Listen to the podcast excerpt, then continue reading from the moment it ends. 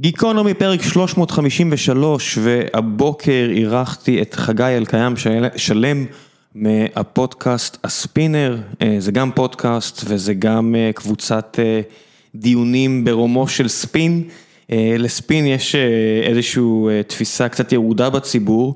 אה, אבל זה בעצם מהלך פוליטי ודיברנו אה, על הרמה הכי גבוהה של מהלכים פוליטיים ועל ההיסטוריה של מאיפה זה הגיע ועל המצב בארץ ודיברנו לא מעט על אה, מן הסתם על בני גנץ ועל בנימין נתניהו ועל כל מיני אנשים אחרים, גם יאיר לפיד עלה בשיחה ועל עיסוק בפודקאסטים ואיך מכניסים כסף מעיסוק בפודקאסטים.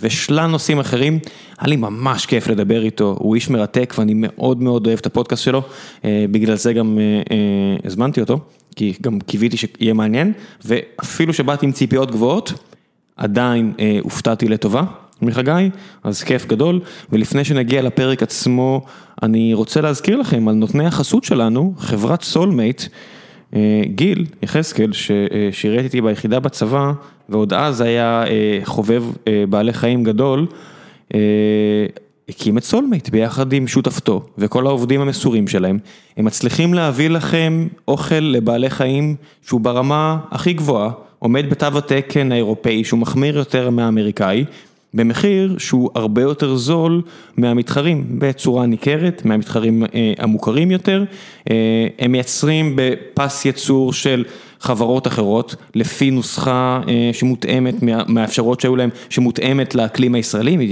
הם התייעצו עם וטרינרים, הם חוסכים בכל מקום שהם יכולים מלבד באוכל עצמו, כדי בעצם אה, להוריד את המחיר, כי בימים כאלו, וגם בדרך כלל, אבל בימים כאלה במיוחד, אה, כדאי לבדוק כל הוצאה והוצאה.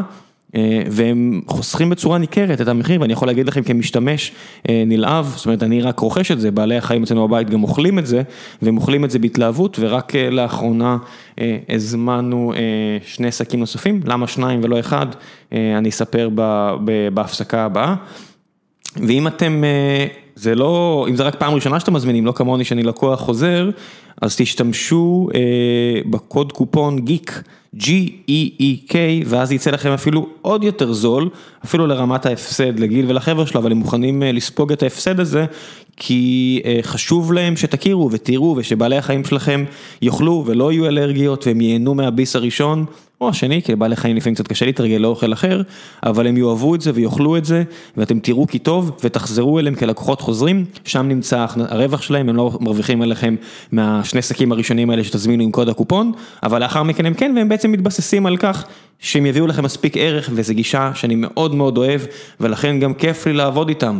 אז סולמייט, קוד הקופון G-E-E-K, גיק, אה, תזמינו, תהנו ועכשיו גיקונומי, פרק 353 עם אה, הדוקטור בקרוב לספינים, חגי אלקיים שלם, תהנו.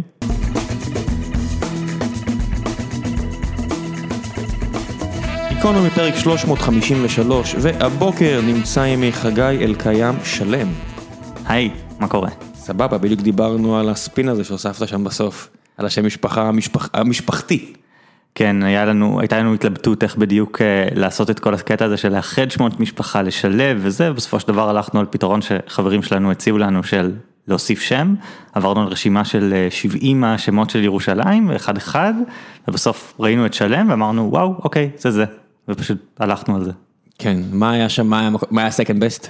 אני לא חושב שאפילו היה second best, כי כאילו לא היינו קוראים לעצמנו ציון או עיר דוד, כאילו כשם משפחה, כן? אה, אז לא הייתה תחרות, פשוט היה את זה, זה פשוט היה המקום הראשון שהלכנו לחפש אחרי נראה לי שבדקנו שמות של אה, ציפורים, כי אשתי צפרית, אז אה, בסופו של דבר לא הייתה התלבטות. ובין הציפורים? אין אין שמות טובים, כאילו הציפורים שאנחנו אוהבים. חצי מהיחידות בצה"ל זה זה, זה ציפורים וזה מעולה. כן, אבל אתה יודע, חגי ויובל ירקון, חגי ויובל ירגזי, זה לא זה לא עובד. יש דוכיפת שלדג, אני יודע מה כל השמות האלה שבאמת יחידות בצה"ל גנבו או שתו, זה אחלה. השאלה אם זה ה branding שאנחנו רוצים לעצמנו כן. כמשק בית. אני אוהב את העניין הזה שכשאתה בוחר שם כבן אדם מבוגר, אתה יכול לבחור את המשמעות ולבחור אה, מיקום hyper local, אני מת על זה, כי זה, אתה יודע, הם מסתובבים ואנשים עכשיו בטח מרימים גבה, שאומרים, מה זה המחויבות הזו, ואתם אולי מסתובבים עם שם כמו ברלינר, או כל מיני כאלה, זה בעיקר אשכנזים, יהודים ממערב בוא נגיד לפולין, ויש הרבה כאלה, דנצינגר, ברלינר שאני מכיר, זה הכל שמות של ערים באירופה. כן, ואנחנו בחרנו את השם של העיר שאנחנו אוהבים, גדלנו בה, ואנחנו גם מחויבים אליה באיזשהו מקום, ולא יודע, זה לא נראה לי מפתיע או משונה, ויש לזה עוד כן. משמעויות. זה גם טיפה מעבר, ירושלים זה גם טיפה מעל דנציג או אפילו ברלין. אני חושב שכל בן אדם יש לו איזה קשר אה, לעיר שבה הוא גר וכאילו קל למצוא את המיתיות של העיר שלך, אתה יודע, לא בכל עיר, לא בפתח תקווה, סבבה, כן. אבל גם אם אתה גר בתל אביב יש לזה איזשהו אלמנט מיתי, איזה אלמנט כאילו היסטורי גדול. לתל אביב וירושלים בטח שיש, כמו שלברלין עבור הגרמנים, אבל ל-99% מהמקומות האחרים אין. זה סתם ההטייה שאנחנו מיד חושבים על הערים היותר בולטות. אבל, אבל יש לנו נטייה... תמיד להסתכל על הסיטואציה שלנו ולחשוב שהיא מיוחדת, שמשהו בה יוצא דופן, ולחשוב שהיא פעם ראשונה שהיא קרתה, או כל מיני דברים כאלה. אז אני מנחש שגם לבן אדם שגר בראש העין, יש איזשהו סיפור מאוד גדול להיסטוריה, שאני לא מכיר אותו, אבל הוא בטוח מכיר אותו, או הרבה מהם מכירים אותו, אלה שיש להם גאווה עירונית נורא נורא חזקה. כמה מהם יש גאווה עירונית חזקה, אני לא יודע, לא בדקתי. אבל... כן, אה, בראש העין אני מהמר שגם, אה, האמת שלא, יש, אה, גם לראש העין יש את הקטע שלה. אה, ניסיתי להימנע מכל אה, בדיחה גזענית שעלתה לי בראש ואני ממש גאה בעצמי. כל הכבוד. לא, תודה רבה. תגיד לי, איך אתה מגדיר ספין? כי הגעת לפה בכל זאת בתור אה, דוקטור ספין. עוד לא דוקטור, עוד לא. כן, בסדר, גם פרופסור שקשוקה הוא לא באמת, אתה יודע, הוא לא סיים את הפרופסורה, אתה פשוט בניגוד אליו יום אחד באמת תוכל כן. להתהדר בתואר. יש כל מיני הגדרות לספין, ההגדרה קלאסית היא לקחת איזשהו סיפור נרטיב שיש בתקשורת ולסובב אותו לכיוון אחר. מאשימים אותך במשהו, אתה מסיט את זה לאיזשהו כיוון אחר. למשל, אומרים לך, אתה לא רוצה להעביר תקציב דו שנתי למרות שהתחייבת, אז אתה מגיב בעת הזאת אי אפשר לקבל החלטה שנתיים קדימה, למשל. אז זה ספין, זה לשנות את הכיוון. אני בפודקאסט, ממש בפרק הראשון שלי, הגדרתי את זה בתור כל דבר שבו אתה משנה את איך שהציבור מסתכל על המציאות. כי יש תופעה כזאת, שבאופן מהותי, אתה ואני לא רואים את הפוליטיקה באופן ישיר, היא תמיד מתווכת לנו. אנחנו לא באמת יודעים מה קורה שם, אני זוכר שראיתי את זה מתוך העולם הפוליטי. תתחיל בהגדרה, מה זה בכלל ההגדרה של פוליטיקה? שאתה אומר לי, אתה ואני לא רואים את הפוליטיקה באופן ישיר, את קבלת ההחלטות, את הדיונים, מה... כש, כשהייתי ב-2013 בקמפיין בחירות של התעוררות בירושלים, אני זוכר שהסתובבנו בחוגי בית, ואז אנשים אמרו, מה זה, לא רואים אתכם, אנחנו לא יודעים מה עשיתם, אתם לא, מה, מה הסיפור שלכם, וכל זה.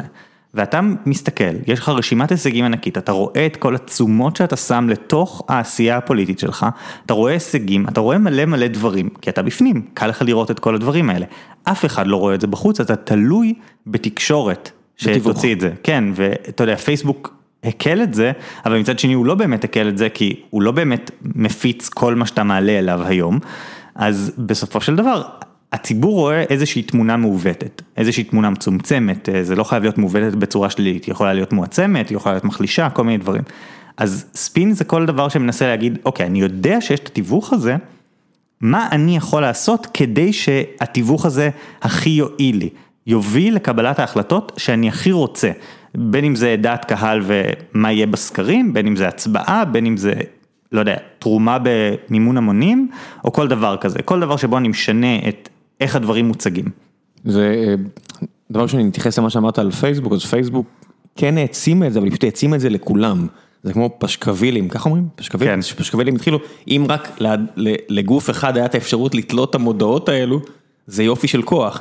הבעיה היא כשאתה עובר ליד אה, עמוד ויש עליו 100 כאלו, אז כנ"ל גם פייסבוק, אם זה העצים את כולם, זה פשוט העלה את דרגות הרעש ויצר איזשהו תהליך שאני תכף, בטח אני מניח, נדבר עליו בהמשך הפרק.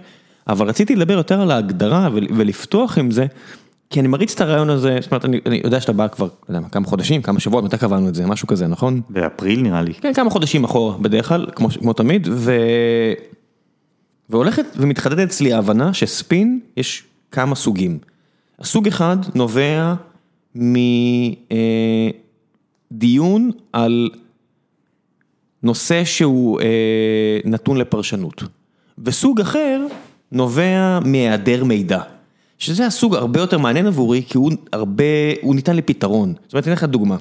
נכנסתי לאיזה דיון טוויטר שאני לא הולך להמשיך איתו, כי כהחלטה אני מנסה לחתוך את הזמן שאני מבזבז בפלטפורמה, על השקעה ציבורית במערכת הבריאות, ומישהו שם אמר משהו על MRI שאין מספיק, יש יותר מדי והכל, ואז אתה אומר, הופ הופ הופ, פוס משחק. חסר פה A4 עם כל הנתונים הרלוונטיים, כמה מכונות יש, מה אחוז הניצול שלהם, כמה אחוז הבדיקות שהיו מיותרות, ובואו נגדיר מה זה מיותרות, ואז תגלו שכל הדיון הזה, מאות שעות מצטברות של קריאה וכתיבה של אנשים, מיותרות לגמרי. זאת אומרת, הפער היחידי שיש פה זה פער של מידע, שהוא לא זמין. ומצד שני יש את הספינים שאולי יותר קרובים ללבך, שזה ספינים כמו האם צריך תקציב דו שנתי או חד שנתי, ופה אין באמת דף A4 שיסגור את הדיון. אני אני חושב שגם ב-MRI אין דף A4 שיסגור את הדיון, עכשיו היה לך לפני כמה פרקים פה את טל וליאור מערך מוסף, והם דיברו על כל דבר יש לך עניין של מה אתה ממקסם. אנחנו עכשיו רואים את הדוגמה הקלאסית של בריאות או כלכלה, נכון? נעזוב שנייה את זה שזה false dichotomy ואני לא חושב שבכלל אפשר לעשות את הדיון הזה ככה, אבל יש אמירה, אני יכול ללכת לכיוון ההוא, אני יכול ללכת לכיוון הזה, אני יכול להשקיע כסף בדבר למרות שהוא לא כלכלי כי זה טוען את הערכים שלי, אז גם ב-MRI אתה יכול להגיד, אולי אפשר יותר, אולי אפשר פחות, אבל כל אחד מהדברים האלה, גם אחרי שיש לי את הדף A4, אני יכול לקחת את זה לכל מיני מקומות. אז אני אגיד לך, אני מכשיר פה עכשיו, צוות ה product manager ים שלנו תפח מאחד לארבעה, ואני עובד עם שלושתם, אתה יודע, וכל פעם נופלת איזושהי הכרה, במיוחד אצל החבר'ה הצעירים יותר, שאומרים, מה זה, הכל זה product בעצם. נכון, ואחד הדברים שאני אומר להם, שאם אתה נכנס לדיון או נכנסת לדיון product, תתייחסי לזה כאילו זה בחירות בבלארוס. את חייבת לתת לכולם את התחושה שיש בחירה, ואת חייבת לנווט את זה לאיפה שאת רוצה, והדרך הכי טובה לעשות את זה, זה לא כוח, כי אין כוח בדיונים בחברה, אלא דאטה. ואם את עשית טיעון מספיק טוב, ותבני אותו עם הכל דאטה מוצק, ולאף אחד אין שאלות, את תקבלי את ההחלטה שאת רוצה. בגלל זה אני חוזר לדף A4, זאת אומרת, אם אתה תבנה, אתה תגיד, אוקיי, אתה תבנה פה איזושהי תזה של, מה שחשוב לי זה ככה וככה, הנה העלות, הנה מה שזה יוצא, הנה זה חלק מהתקציב, אתה מבין? בסוף, כשיש כל כך מעט מידע בדיונים האלה, זה כל כך חסר טעם. מצד אחד חסר טעם, מצד שני כר פורה לפוליטיקאים, זה בדיוק המקום שבו אתה פשוט יכול להגיד מה שאתה רוצה. זה, יש את האמירה הזאת נראה לי של הנס רוזלינג, של נתון בודד זה דבר רע, כשיש לך רק נתון אחד. יש רק מיטה אחת לאלף תושבים או משהו כזה. אבל מה זה אומר? זה הרבה, זה מה, איפה אנחנו? אז כפוליטיקאי אתה יכול לקחת איזשהו נתון כזה שנראה רע, נראה גבוה, נראה נמוך, ופשוט לעשות איתו מה שאתה רוצה. כי לאנשים קשה לדעת מה עושים עם זה. אני, דוגמה מירושלים, שאתה מדבר על כמה מנקים יש בירושלים, ואז אתה רואה, או מה תקציב ניקיון, אבל זה, וזה נראה גבוה באיזשהו מקום, אבל אז אתה קולט שירושלים גדולה בשטח המוניציפלי שלה פי שלוש, ארבע, לא זוכר איזה מספר גדול כזה, מהעיר הכי גדולה הבאה אחריה, כי הרחיבו את הגבולות שלה באופן אקראי כזה לכל הכיוונים כדי... גם זה ספין, אתה מבין, גם הגודל של ירושלים, אתה סופר את הכפר ההוא שלא דרכת בו ולא תדרוך בו בחיים שלך ולא באמת אכפת לך מה הם חושבים, לצערי זה הסיטואציה. זאת אומרת, בסוף אם אין KPI, אין משהו מדיד, אתה הולך מה, להעביר סקר שביעות רצון, ואלא אם כן זה מעל שמונה, זה לא טוב, מתחת שמונה זה טוב. אתה יודע, כל מיני דברים כאלה שבעולם ניהול מוצר הם נורא ברורים. או לחילופין, תגדיר מה זה נקי, ואז אל תגיד לי כמה מנקים יש או אין, אל תדבר איתי על זה, דבר איתי על התוצאה הסופית. והרבה פעמים אני מסתכל מהצד ואני אומר, זה לא יכול לעבוד כמו שזה כרגע. אני, אני חושב שבפוליטיקה בכלי זה לא יכול לעבוד ככה, כלומר באיזשהו מקום בפוליטיקה, מה אתה ממקסם זאת השאלה הכי קשה. ב, ב, נראה לי שגם זה עלה בדיון שלך עם טל וליאור, שבחברה יש לך שורת רווח, אז אתה ממקסם משהו ספציפי. יש לך עוד אלמנטים, כאילו תדמית ו, ותוכנית ארוכת טווח וכל מיני דברים כאלה. שכולם אמורים לשרת את uh, מטרת העל שהיא הרווח של החברה. נכון. אין, אין לברוח מזה, חברה מסחרית, זו מטרת העל שלה. ולעומת זאת מדינה, אם היא תמקסם שורת רווח, כנראה שהיא עושה משהו לא בסדר. כלומר מדינה שמגיעה למצב שיש לה אה, עודפים גדולים באופן קבוע, אה, ולא לצורך העניין כדי להוריד את החוב הלאומי. אה, מדינה שיש לה עודפים קבועים באופן קבוע, אה, זה אומר שהיא לוקחת יותר מדי כסף מהאזרחים, היא צריכה לקצץ מיסים, להוסיף שירותים, לעשות איזשהו משהו, או לחסוך ל... לא יודע, ל-rainy day, אבל המטרה שלה זה לא להכניס עוד כסף, נכון? כן, למי שחושב שזה דיון היפותטי, לא, בגרמניה זה למשל דיון ער מאוד על כך שהמדיניות שמרקל הובילה היא מאוד קמצנית, מאוד פרוגל, שזו מילה שנשמעת גרמנית אבל היא לגמרי באנגלית, וזה מה שהוביל, זאת אומרת היחס חוב תוצר שלהם הוא מאוד נמוך, זה מאוד עזר להם בתקופת הקורונה, אבל לפני שהקורונה התחילה, היה שם הרבה התמרמרות בקרב האזרחים של... אנחנו מדינה סופר עשירה, למה לא משקיעים יותר בציבור? כי למה אנחנו משלמים מיסים? אנחנו לא משלמים מיסים כי בא לנו. כדי להשאיר את קופת המדינה, אין כן. מלך. כן, אה, כשהייתי באיזה עמותה פעם, אז אה, אני זוכר, היה נאום ידוע בהיסטוריה של העמותה, שאחת מחברות העמותה אמרה, האם אנחנו אמורים להתנהל כדרקון שדוגר על זהבו? ופשוט עודדה את כולם, תוציאו את הכסף, אתם, הכסף לא נכנס אליכם ככה, כדי שתהיה קופה עם מספר גדול בסוף. גם, ו, ויש עמותות שאפילו רשם עמותות אומר להם, חבר'ה, יש לכם יותר מדי נכסים, כאילו תתחילו להוציא. כן. אתם לא יכולים להמשיך ככה, זה לא עובד. יש בעונה חדשה של מלקום גלדוול, Revisionist History, ככה נקרא הפודקאסט, פודקאסט מופלא, יש שם כמה פרקים לא טובים, אבל הפרקים הטובים באמת טובים, ובאחד הפרקים בעונה הזאת הוא דיבר על אה, מוזיאונים. ומוזיאונים אה, דוגרים, הם, הוא בדיוק השתמש גם באנלוגיה הזו של דרקון שדוגר על אה, ביצי הזהב שלו, כי אתה אומר, על איזה ביצי זהב מדובר, יש, יש יצירות, מציגים אותם. ואז אתה מבין שלכל אחד מהמוזיאונים האלה יש האנגרים עם עשרות אלפי יצירות אומנות ששוכבות שם. ומצד שני המוזיאון אומר שהוא בגירעון עצום והוא חייב לפטר אנשים, אתה אומר, מדר פאקר, תמכור יצירה אחת מהחמישים אלף האלה שיש לך שם, אתה לא תצטרך לפטר אף אחד. אתה לא צריך לקחת דולר מהציבור, יש לך חמישים אלף יצירות שכל אחת מהן, אם תמכור, סוגרת לך את התקציב. מה אתה עושה? מה אתם עושים? ושם, היה שם את הקטע הזה שהרואי חשבון שלהם לא מדווחים על זה בתוך הרישום נכסים השנתי, כן. בעצם הם אומרים, איך תעריך את הערך של יצירת אמנות? כן. איך תעריך? לא יודע, תוציא למכירה פומבית, ואז תדע כן, מה נסגר. אתה גם יכול להגיד, אם פיקאסו בממוצע נמכר ב-20 מיליון דולר, יש לי 100 יצירות שלו ששוכבות במחסן, אז אפשר להגיד, המשך, כן, אבל אז יציף את השוק והמחירים ירדו, ואני אומר, כן, אבל אתה לא חברה למטרות רווח, מה קורה פה? אז תאזינו, זה יופי של דיון שהוא מנהל שם עם עצמו, אה, אחלה של דבר, אבל אני מחזיר אותנו לפוליטיקה ועמותות ומדינה. אה, זו שאלה טובה, על מה מדינה בעצם מנסה למקסם, אה, מה המדינה אמורה למקסם? בגדול התשובה הקלאסית תהיה רווחת תושביה. אבל גם רווחת תושביה זה משהו שהוא לא מקשה אחת, בטח במדינות לא הומוגניות כמו ישראל. אני חושב שבאיזשהו מקום דיון פוליטי מתפקד. כשאתה מגיע למדינה שהדיון הפוליטי שלה פשוט במצב טוב, אז באיזשהו מקום כל הפוליטיקאים המעורבים צודקים. פשוט למטרות, להגדרת מטרה שונה. יהיה לך, יהיה לך פוליטיקאי שאומר מה אנחנו חייבים לקצץ מיסים ופוליטיקאי אומר, אה, אחר שאומר אנחנו צריכים להגדיל שירותים ממשלתיים אף אחד מהם לא טועה באופן מהותי, הם פשוט מתווכחים על מה הדרך הנכונה להתקדם, אבל זה מצב בריא, ואני חושב שרוב המדינות כיום, לא יודע אם רוב, אני לא, אין לי סטטיסטיקה על זה, אבל הרבה מאוד מדינות שאני, שאני חשוף אליהן, מאוד רחוקות מהמקום שהדיון מסוגל להתנהל ככה, והדיון בכלל לא מגיע למה הפונקציה, אלא למי יותר בוגד. למי יותר מרושע שרוצה להשמיד את המדינה עם וואטאבר. וזה בעיניי זה מתקשר לא לפייסבוק וטוויטר שרק מעצימות משהו קיים, אלא אה, להיעדר מידע בתקופה שבה אנחנו משוכנעים שיש כל כך הרבה מידע. ואני אומר, אם אתם רבים על מידע חלקי, לא יש לכם אפס, אין, אין לכם מידע. אין לכם פרט, כי, אני מסתכל בדיונים בין, בין השאר, אם אני תופס את עצמי משתתף בהם, אני מלכה את עצמי אחרי זה, יש לי דירוג כזה, אני ממש נותן לעצמי ציון על היום הזה, אני אומר, איזה יום גרוע זה היה שנפלתי בשטות הזאתי, זה דיון בלי מידע. זה דיון למידע, אז על מה אתם מדברים? זאת אומרת, אתם רק, אתם באיזושהי אשליה שיש לכם מידע, ומה שגורם לי לשאול אותך, אה, האם האפיפיור באמת מאמין באלוהים? ובאנלוגיה, האם פוליטיקאים באמת מאמינים בספינים האלה, מניסיונך? אני חושב שהעולם הפוליטי הוא כל כך בלתי נסבל מבפנים, הוא כל כך חוויה לא נעימה, יש אנשים שאוהבים אותו.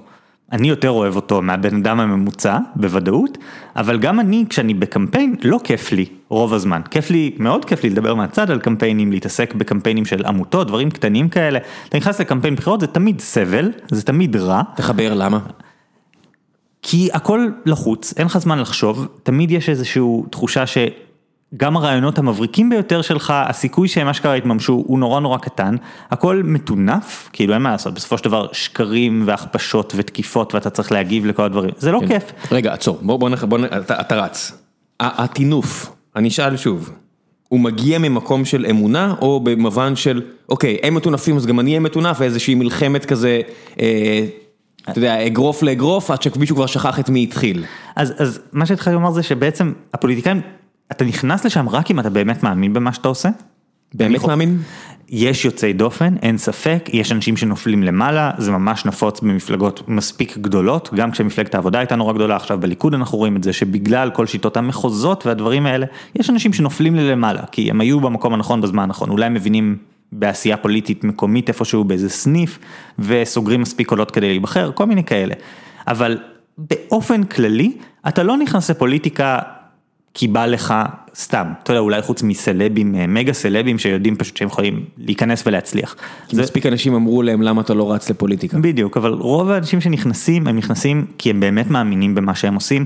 גם הפוליטיקאי הכי ציני מלוכלך, לא משנה מה שאתה אתה תפגוש, אתה תראה שיש לו דברים שחשובים לו, שבוערים בו. ואז זה יוצר מצב שגם, גם אם בהתחלה אתה לפעמים אומר משהו לא כדי להאמין בו, ברגע שזה משהו שאתה רותם לקידום המטרות שלך, ברור שאתה תאמין בו. אין שום סיכוי שאתה תמשיך לטנף על פוליטיקאי אחר, על זה שהוא מונע ממך לעשות את הדבר הצודק והמושלם שאתה רצית לעשות. אין שום סיכוי שאחרי חצי שנה שאתה תגיד עליו, איזה חצי שנה? שבועיים שאתה תגיד עליו דברים, אתה לא תתחיל להאמין בזה. אתה מתחיל להאמין למה שאתה אומר, אתה מתחיל להאמין למה שאומרים עליך, אתה מתחיל להאמין להמון המון, את הדברים החיוביים לפחות, הדברים השליליים זה המרושעים מהם מהצד השני אמרו, הדבר, אז הדברים החיוביים זאת, זאת האמת האמיתית. אה, ובסופו של דבר אתה, אתה שוקע בתוך זה. זה נשמע כאילו יש בזה. פונקציית מטרה, זאת אומרת, אני אתן לך דוגמה, אמ, אם הוא לא יבטל, אז אריס תדמור אמור להגיע בקרוב, הוא ספינולוג מומחה, אה, יועץ של בנימין נתניהו ו- ומפלגת הליכוד, למרות שאני לא בטוח שיש כבר הבדל בין השניים, ואני משוכנע, זאת אומרת מהיכרותי עמו, שיש לו פונקציית מטרה, שהוא מאמין בה, פשוט הפער, המרחק בינה לבין שאר הדברים שהוא עושה, הוא גדול. אני, אני אסביר, או גם, גם מהצד השני אני חושב שזה נכון. אמ, הם מאמינים שהם מצילים את העם היושב בציון מכיליון, מאיראן, ידה ידה ידה, עכשיו זה גורר את כל השאר, כדי, רק ביבי יכול, הם באמת מאמינים בזה, וזה אמור להצדיק אה, התמקדות בתקשורת, אה, הכפשת יריבים, אה, גרירה בבוץ, כי פונקציית המטרה שלהם מובהקת בראשם וזה זה. ואז זה מצדיק את כל השאר. אבל פשוט לא מדברים על הפונקציה מטרה, מדברים על כל השאר שהם עושים, כי רק הם, הם מחזיקים את פונקציית המטרה אצלהם, הם לא, היא לא ניתנת, היא אקסיומה שהם לא רוצים בכלל לדון בה. אתה יודע, זה כמו שחייל במלחמה, הוא חושב על התוכנית האסטרטגית של הרמטכ"ל, לא, הוא חושב על איפה שהוא נמצא. הוא כבר רגיל לעשות דברים ספציפיים, בקנה מידה מאוד ספציפי, הוא לא מתעסק בהגנה על המולדת, הוא מתעסק בלשמור את עצמו חי ואת האנשים שלידו חיים. אז אותו דבר בפוליטיקה, הפעיל שתולה פלריגים בצומת, הוא יודע שהמטרה היא בסופו של דבר להוריד את הארנונה ולהגדיל את השירותי ניקיון או משהו כזה, לא יודע. אבל, אבל הוא לא עוסק בזה, זה, הוא רחוק מזה מאוד. עכשיו גם בצמרת יש איזה עניין של, אה, ה- הביוגרף אה, רוברט קרו, בביוגרפיה שלו של לינדון ג'ונסון, הביוגרפיה הפוליטית הכי טובה שיש, למרות שכמו ג'ורג' מרטין, הסוף עוד לא, עוד לא נראה ב- אה, באופק. רק שפה כל הדמויות כבר מתו. כן, אה, הוא עדיין אוסף נתונים, הבן אדם כאילו בין איזה 70 ומשהו, 80 ומשהו, והוא לא עדיין אוסף. ג'ונסון, הביוגרף. הביוגרף, כן, רוברט קרו. כן. ו- ויש שם איזה קטע מאוד מאוד יפה שהוא אומר, ללינדון ג'ונסון היו תמיד שני מצפנים. נשיא ארצות הברית לשעבר, שנות ה-60, ידה ידה ידה. כן. היו לו תמיד תמיד תמיד שני מצפנים, המצפן של הכוח והמצפן של הערכים. וכל חייו, כשהייתה התנגשות בין המצפן של הכוח למצפן של הערכים, הוא הלך עם הכוח. עד שהוא הגיע לנשיאות, ואז כשהוא הגיע, נכנס לבית הלבן, אחד היועצים שלו אמר לו, טוב תקשיב, אנחנו לא יכולים לקדם את זכויות האזרח עכשיו, כי זה בעייתי, זה, זה ייראה כמו ניצול ציני של המצב, ידה ידה ידה. וזה גם בגידה בכל השותפים שלך, אתה הרי לינדון ג'ונסון, פוליטיקאי מהדרום, ש, שגידלו אותו גדולי ה-white supremacists ב- בדרום, ואז הוא אומר ליועץ הזה, what the hell is the presidency for? ואז ברגע הזה, כשהוא הגיע לראש הפירמידה, אז הוא עשה את זה. אז הוא באמת מימש את, ה, את האג'נדה שלו, והוא היה, עשה עבודה מדהימה בשנים שלו. תקופת הזהב של אה, הזכויות אזרח האמריקאיות, מינוי שופטים לעליון שהשפיעו המון שנים לאחר מכן, חקיקות מאוד חשובות, אה, אה, כל מיני דברים. כל דבר שהוא לא וייטנאם, ג'ונסון עשה ממש טוב. כן, ושם הכוחות שעמדו מולו היו כבירים. זהו, ואז זה החלק בביוגרפיה שעוד לא יצא, זה מתסכל. כן ברנס השלים את הסיפור הזה. אז כשאתה מסתכל על זה ואתה אומר, אוקיי, לפוליטיקאי תמיד יש את הדבר הזה, וברור שהכוח צריך להיות יותר גבוה באיזשהו מקום, כי אתה אומר לעצמך, אם אין כוח, מה אני עושה? אם אני לא מנצח אותם, אז זה חסר משמעות מה אני חושב, באמת, הערכים שיש לי במצע, יכולה להיות לי את התוכנית הכי מושלמת, אם אני לא נכנס לחדר, לוקח את המפתחות, מעיף משם את האנשים שעושים טעויות, אז, אז אין שום משמעות לכלום, כל הערכים שלי אפשר, הם יכולים להיות הפוכים, זה חסר משמעות, להיות הפוליטיקאי הכי ערכי באופוזיציה, חסר משמעות, כן. מלבד אם זה משרת אותך. בלהגיע לקואליציה. זאת אומרת, זה, זה, זה, זה מעין אה, תהליך דומה שקרה עם מלחמות, מלחמות במאה ה-17-16 היו הרבה כבוד, וזה היה צבאות קטנים, כי לא עדיין היה גיוס, כי זה עדיין היה מונרכיות, ואז מהפכה בצרפת, ופתאום צבא זה מאות אלפי אנשים, ואז אם יש לך מאות אלפי אנשים, טוב, אתה חייב לשרוף את מוסקבה, כי ככה, כי וזה, מה תעשה? כי מה תעשה, ואז פריז, הגרמנים ב-1970 נכנסים, ואין מה לעשות, צריך לאחד את גרמניה, ואז מלחמת העולם הראשונה, ואז הסכם שלום, ובטח קלמנס אומר חייבים לחסל את גרמניה, היא לא תהיה באו"ם, אין, אנחנו לא ניתן לה להיות בכלל מדינה. אז גרמניה בתגובה אומרת, טוב בוא נשמיד את כולם, כי, והדבר הזה שאם מלחמה, אז מלחמה עד הסוף, יש, מלקום גלדוול מדבר על אה, קרטיס למי, שאמרו לו אתה צריך אה, להכניע את טוקיו, אז הוא שרף יותר אנשים מאשר אי פעם, בתקופה של כמה שעות, וזה לא פצצות האטום. כן? זה בטוקיו. זה לא, הוא שמר פצצות האטום כדי להוכחת התכנות, אבל טוקיו מתו הכי הרבה אנשים בהיסטוריה בתקופה של כמה שעות. למה? ככה, כי הייתה בעיה והוא היה צריך לפתור אותה. וזה ממש נראה ככה בפוליטיקה, אתה אומר, מה אתם עושים? מה זה, מה, מה, מה זה הבחירות האלה? מה זה הספינים האלה? כאילו, אתם רק מנסים לפתור בעיה הכי קרובה אליכם. אני הרבה פעמים, אני עובד המון עם חבר'ה צעירים שעכשיו נכנסים לפוליטיקה, בתוכניות מנהיגות וכאלה, והם אומרים, איך זה מגיע לשם, איך זה נהיה ככה. ואז אני אומר להם, אוקיי, זה בדרך כלל שמאלנים, אז אני אומר להם, אוקיי, תדמיינו שעכשיו אתם יכולים להוציא פיסת fake news על מישהו, מישהו אחד. זה יהרוס לו את החיים, יהרוס קומפלט את החיים שלו, הכל יהיה גרוע, הבן אדם, לא יודע, הוא יתאבד, כאילו לא, לא חייבים להגזים, אבל כאילו, המצב יהיה נורא. אבל בתמורה יהיה הסכם שלום. האם אתם עושים את זה? ואז אתה רואה שהם אומרים, טוב, כאילו הסכם שלום, זה יציל מלא חיים, וזה, ואז אתה אומר, אוקיי, מפה זה רק עניין של scale, כאילו זה רק עניין של כמה אתה מוכן ללכת. כן, אני, ואתה מדבר פה על כולה להכפיש בן אדם, בוא, בוא היית אומר להם משהו ב-95, מישהו אמר למישהו אחר, אם רק תהרוג אותו, הדבר הזה של, שהסכם שלום, שבעיניך, בפונקציה המטרה שלך הוא הכי גרוע בעולם, רק תהרוג בן אדם אחד די מבוגר. אתה תפתור את הבעיה, לא תעשה את זה? פה אתה כבר מדבר על לחסל את הדמוקרטיה, אז האם ספין זה לחסל את הדמוקרטיה? לא, כולה גרמתי לו להתאבד, כולה גרמרתי לו את החיים, זה לא, לא דפקתי לו כדור בגב, כן? יש פה איזשהו רידוד של דברים, הרי אני תמיד אומר, אה, נגיד יש לי את הדיונים האלה עם רולניק, הוא אומר לי, ענקיות הטכנולוגיה האלה זה הדבר הכי מרושע שאי פעם קרה, אין חייבים כאילו להשמיד את זה, זה גומר את העולם, אני אומר, אתה יודע, אני מתחשק לשאול, אז צריך להרוג את צוקרברג? זאת אומרת, אם הוא הכי מרושע, אם אתה מדבר עליו כאילו זה היטלר 33, אז צריך להרוג אותו? איפה כללי המשחק נכתבים? להכפיש אותו ולגרום לו לאבד רצון לקום בבוקר זה בסדר, אבל להרוג זה לא, אתה מבין, אם הוא כזה מסוכן כמו שאתם מתארים אותו. נכון, אז אני אומר שיש את כל העולם הזה, עכשיו אתה יודע, אני אישית, אולי בגלל זה אני פחות, אה, אה, יש לי מגבלה בעבודה שלי שאני לא מוכן לעשות את מה שהרגע אמרתי באיזשהו מקום. קודם כל כי אני לא מאמין שזה יגיע, כאילו הכפשה, אתה יודע, יש הכפשות ויש הכפשות וזה, אבל אם אני אומר לעצמי, כאילו כשאני עכשיו אמרתי את המשפט הזה, ואתה תהרוס את החיים וזה, אני כאילו פתאום, יש לי משהו בבטן שעושה כזה, אה, אולי לא. מפריע לך אם זה אמת או לא? אה, כן, כלומר אני, אני אנפח דברים בעבודה שלי, אני, אני לא רוצה להמציא. לא, אבל לנפח, זאת אומרת... אם נגיד יש בן אדם שהוא וומנייזר קיצוני וכולם יודעים שהוא ג'רק ומצטער על המילים באנגלית, אני לא יודע מה המקבילה, לא יודע, חרא בן אדם שמטריד, ממש מה שהיום מובן שהוא מטריד נשים והם מסתובבת עם מועקה כל החיים בגללו, ועלית על זה, ואתה אומר אוקיי, גמרתי לו את הקריירה הפוליטית. כל מה שעשית זה חשפת או הבאת לבמה אמת. באיזשהו מקום זה תקין, כלומר זה דבר שהוא לגמרי... מה זה באיזשהו מקום? למה זה לא תקין? זה זה לא, כאילו זה כן, זה תקין. זה זה מקום שהוא, זה, אתה יודע, קל, זה, הבאת, הבאת, לקחת את זה למקומות שהם קלים. יש לא, מקומות לא, שהם זה, לא קלים. זה חדש. בתקופה של קנדי, עיתונאים לא, לא דיברו על העובדה שהוא זיין כל דבר שזז. לא היה, היה נהוג לא לעשות את זה, זה חדש מה שאמרתי עכשיו יחסית בהיסטוריה האנושית. אתה יודע, חוץ מזה שאלכסנדר המילטון, הקריירה שלו נגמרה על לבגוד באשתו.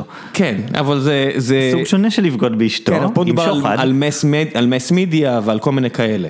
זאת אומרת, עיתונאים לא, לא ירדו לצהוב. זה היה כבוד לא לעשות את זה, כמו שאמרנו, אם במלחמה והכל, אז גם בשלב מסוים למכור, למכור עיתונים ו, ומה ההגדרה של עיתונאי טוב, זה גם נהיה הדברים האלה. אבל זה, כאן יש מרוץ חימוש, יש איזה עניין שאתה צריך, לה, זה גם מה שאמרת על פייסבוק הוא דוגמה מעולה, יש כל כך הרבה תוכן, כל כך הרבה מסרים פוליטיים, אתה חייב להיות כל כך קיצוני, כדי שמישהו ישים לב שאמרת משהו, פעם היית יכול להגיד, המדיניות של היריב שלי תוביל לגירעון, ולדעתי זה דבר פחות טוב, ואנשים היו אומרים, או לא, מה נעשה, אנחנו צריכים לשנות עכשיו, לא, אסור שהוא ייבחר, ועכשיו אתה, אתה חייב להגיד שהוא נאצי, כאילו פחות או יותר, אם אתה לא אומר שהוא נאצי, אף אחד לא ישים לב אליך. אם יש לך שתי דקות, אם יש לך שעתיים, בוא תגיד לי מה גירעון עצום יעשה, ואני מבטיח לך שאם תצייר את התמונה של גירעון עצום, אבל בפותרות שעתיים, אם אדם יהיה ממוסמר לאוזן שלו, הוא יגיד, וואו, זה יותר גרוע מזה שהוא נאצי. ו- ואני חושב שאנחנו חיים בעידן שאנחנו מתחילים לראות עלייה של תקשורת שכן מאפשרת את השעתיים האלה. כלומר, אתה מראיין פה אנשים בפודקאסט, אתה כן נותן להם לדבר. אתה, לצורך העניין, היה לך את הראיון עם אה, יזהר אה, שי, על הכניסה לממשלה. זה היה הכי, התוכן הכי רציני שנאמ- שאני צרחתי על למה הם נכנסו. אני לא מסכים עם מילה ממה שהוא אמר. לא יודע עם מילה, אני מסכים עם שלוש מילים הוא לפחות. אמר בוקר טוב, הוא אמר ערב כן, טוב, היה שם דברים כאלה. אקסיומטיים. אבל, אבל נתת לו לדבר, וזה לא קורה, זה לא קורה בשום מקום, ואנחנו יותר רואים עכשיו פודקאסטים, אה, אנשים, ש... אתרים עצמאיים, שקוף למשל, שעושים כתבות של תשעה חלקים על מה עושה סמוטריץ' בכנסת וכאלה, אז מתחיל להיות שוב מקום לדברים האלה, ואז אולי אפשר לרפא דרך המקומות האלה את הדיון הציבורי, אבל בערוץ 2 אתה לא תקבל את הריפוי הזה. אני כבר רואה גם את התהליך הזה לאיפה הוא הולך לצערי. הרי יש פה איזשהו משהו לא הוגן, אני יכול להגיד לך למשל עם, עם משה פייגלין. הוא מגיע להתארח, אה, לא יודע אם אי פעם סיפרתי את זה בפודקאסט, מקווה שלא תכעסו עליי, הוא מגיע להתארח אה, פרק 10 בגיקוני, ב-2016 או משהו כזה, והוא יוצא מהפרק ואני מלווה אותו לחניון, הוא אומר לי, שמע זה היה ממש כיף, אני אומר לו, אוקיי, כן, אחלה. הוא מתקשר אליי אחרי איזה שבוע, מתקשר אליי, הוא שולח לי הודעה, אומר, תקשיב, אה, שינית לי את הצורת מחשבה, אני מבין עכשיו מה אני צריך לעשות, אני צריך להתרכז בתל אביב עם סטלנים, או משהו כזה, הוא אמר לי, אנשים פונים אליי, אנשים אשכרה הקשיבו לזה. אוקיי, אל תגיד, אמרתי לו, משה אל תגיד זה לאנשים, אבל תגיד שהגעת לרעיון ממקום אחר, צחקתי איתו, ואתה רואה, הוא התחיל להתמכר לעניין הזה של הלונג פורם, בוא אני אסביר רעיונות, אני אשכנע, אבל אם אין מישהו מהצד השני, ואני עוד מראיין רך מאוד, אני אוהב לנהל שיחה נעימה, אה, אם אין אפילו את זה, מישהו שקצת קוטע אותך, קצת אפילו מאתגר אותך, אתה הולך ומפליג, אתה תגיע למקומות רחוקים מהחוף ממש. כן, ואז אה, קראת כן. את המצע. ומצע ארוך ו... זה לא רק זה, כן. זה, זה, אתה מבין, אתה, אתה רגיל ל... אוקיי, מקשיבים לי, ואז ה long form שלך מלא בכל השטויות של ה short form. זאת אומרת, יש הרבה פוליטיקאים שיצא לי לשוחח איתם בתקופה האחרונה, כי הם מתייעצים, הם מרימים טלפון, אומרים לי, תגיד, זה ממש עובד טוב הדבר הזה, בואו אני אעשה גם. אתה אומר, לפיד התחיל פודקאסט, ובנט רוצה פודקאסט, וכולם רוצים פודקאסט, וחלק מהם דיברו איתי, לא לא יודע אם כולם, ואני אומר, אוקיי, זה לא, זה לא הקטע. הקטע זה שמישהו מדבר איתך, הוא מדבר כל פעם עם אנשים אחרים. אם זה רק אתה תדבר, ה fireside chat, ה fireside chat talks האלה של אה, רוזוולט, זה טוב לתקופה מאוד מסוימת. לא לעכשיו. כן, זה לא, זה לא, אני באופן כללי, כשאנשים שואלים אותי איך להתחיל פודקאסט, אז אני אומר, קודם כל העצה שלי לא להתחיל פודקאסט, ואחר כך בוא תסביר לי למה אני טועה, בוא, אם תשכנע אותי, נדבר. כן. מה אתה רוצה להשיג? אני אישית אומר, אם אתה רוצה תעשה, כי החסם כניסה כזה נמוך, אולי זה יהיה לך כיף, אני לא יודע, אבל... אה, אם, אתה- אם אתה בסדר עם 200 מאזינים וזה, אז אחלה, כאילו, תתקדם, כן. אה, תתחיל. אה, אנשים שאומרים, לא, אני רוצה, בטח אה, כל מי שרוצה מלא מפרסמים וחסויות ולעשות מזה כסף, אז אני אומר, אוקיי, כאילו בוא, בעדינות, כאילו זה לא כזה, אתה יכול לעשות את זה, אבל אתה צריך לדעת איך אתה הולך לעשות את זה, איך אתה הולך להגיע לשם. כן, זה נושא אחר, אפשר לדבר עליו אה, גם, כי שנינו מקליטים כמה פודקאסטים, אתה שניים, אני שלושה, אז בוא נגיד על חמישה פודקאסטים אפשר לנסח אה, מסקנות, אבל אני רוצה לחזור עדיין לפוליטיקה ולספינים, אה, ולעניין הזה של לנפח אמת לעומת לנפח שקר. זאת אומרת, לנפח אמת, או, או להפיץ אמת, אני חושב שהרוב, רוב השחקנים יגידו שזה בסדר. זאת אומרת, אם יגיע אליהם פיסת אמת עסיסית, הרסנית ככל שתהיה, זה עדיין אמת. נכון? אבל אז עובר הקו של, היי אה, בוז'י, היי ביבי, יש לי פה משהו, בוא אתה אומר נפיץ את זה, ואומרים, אבל זה אמיתי? מה זה משנה? טוב, תעשה. זה הקו שאני מניח שנחצה כבר לא מעט פעמים.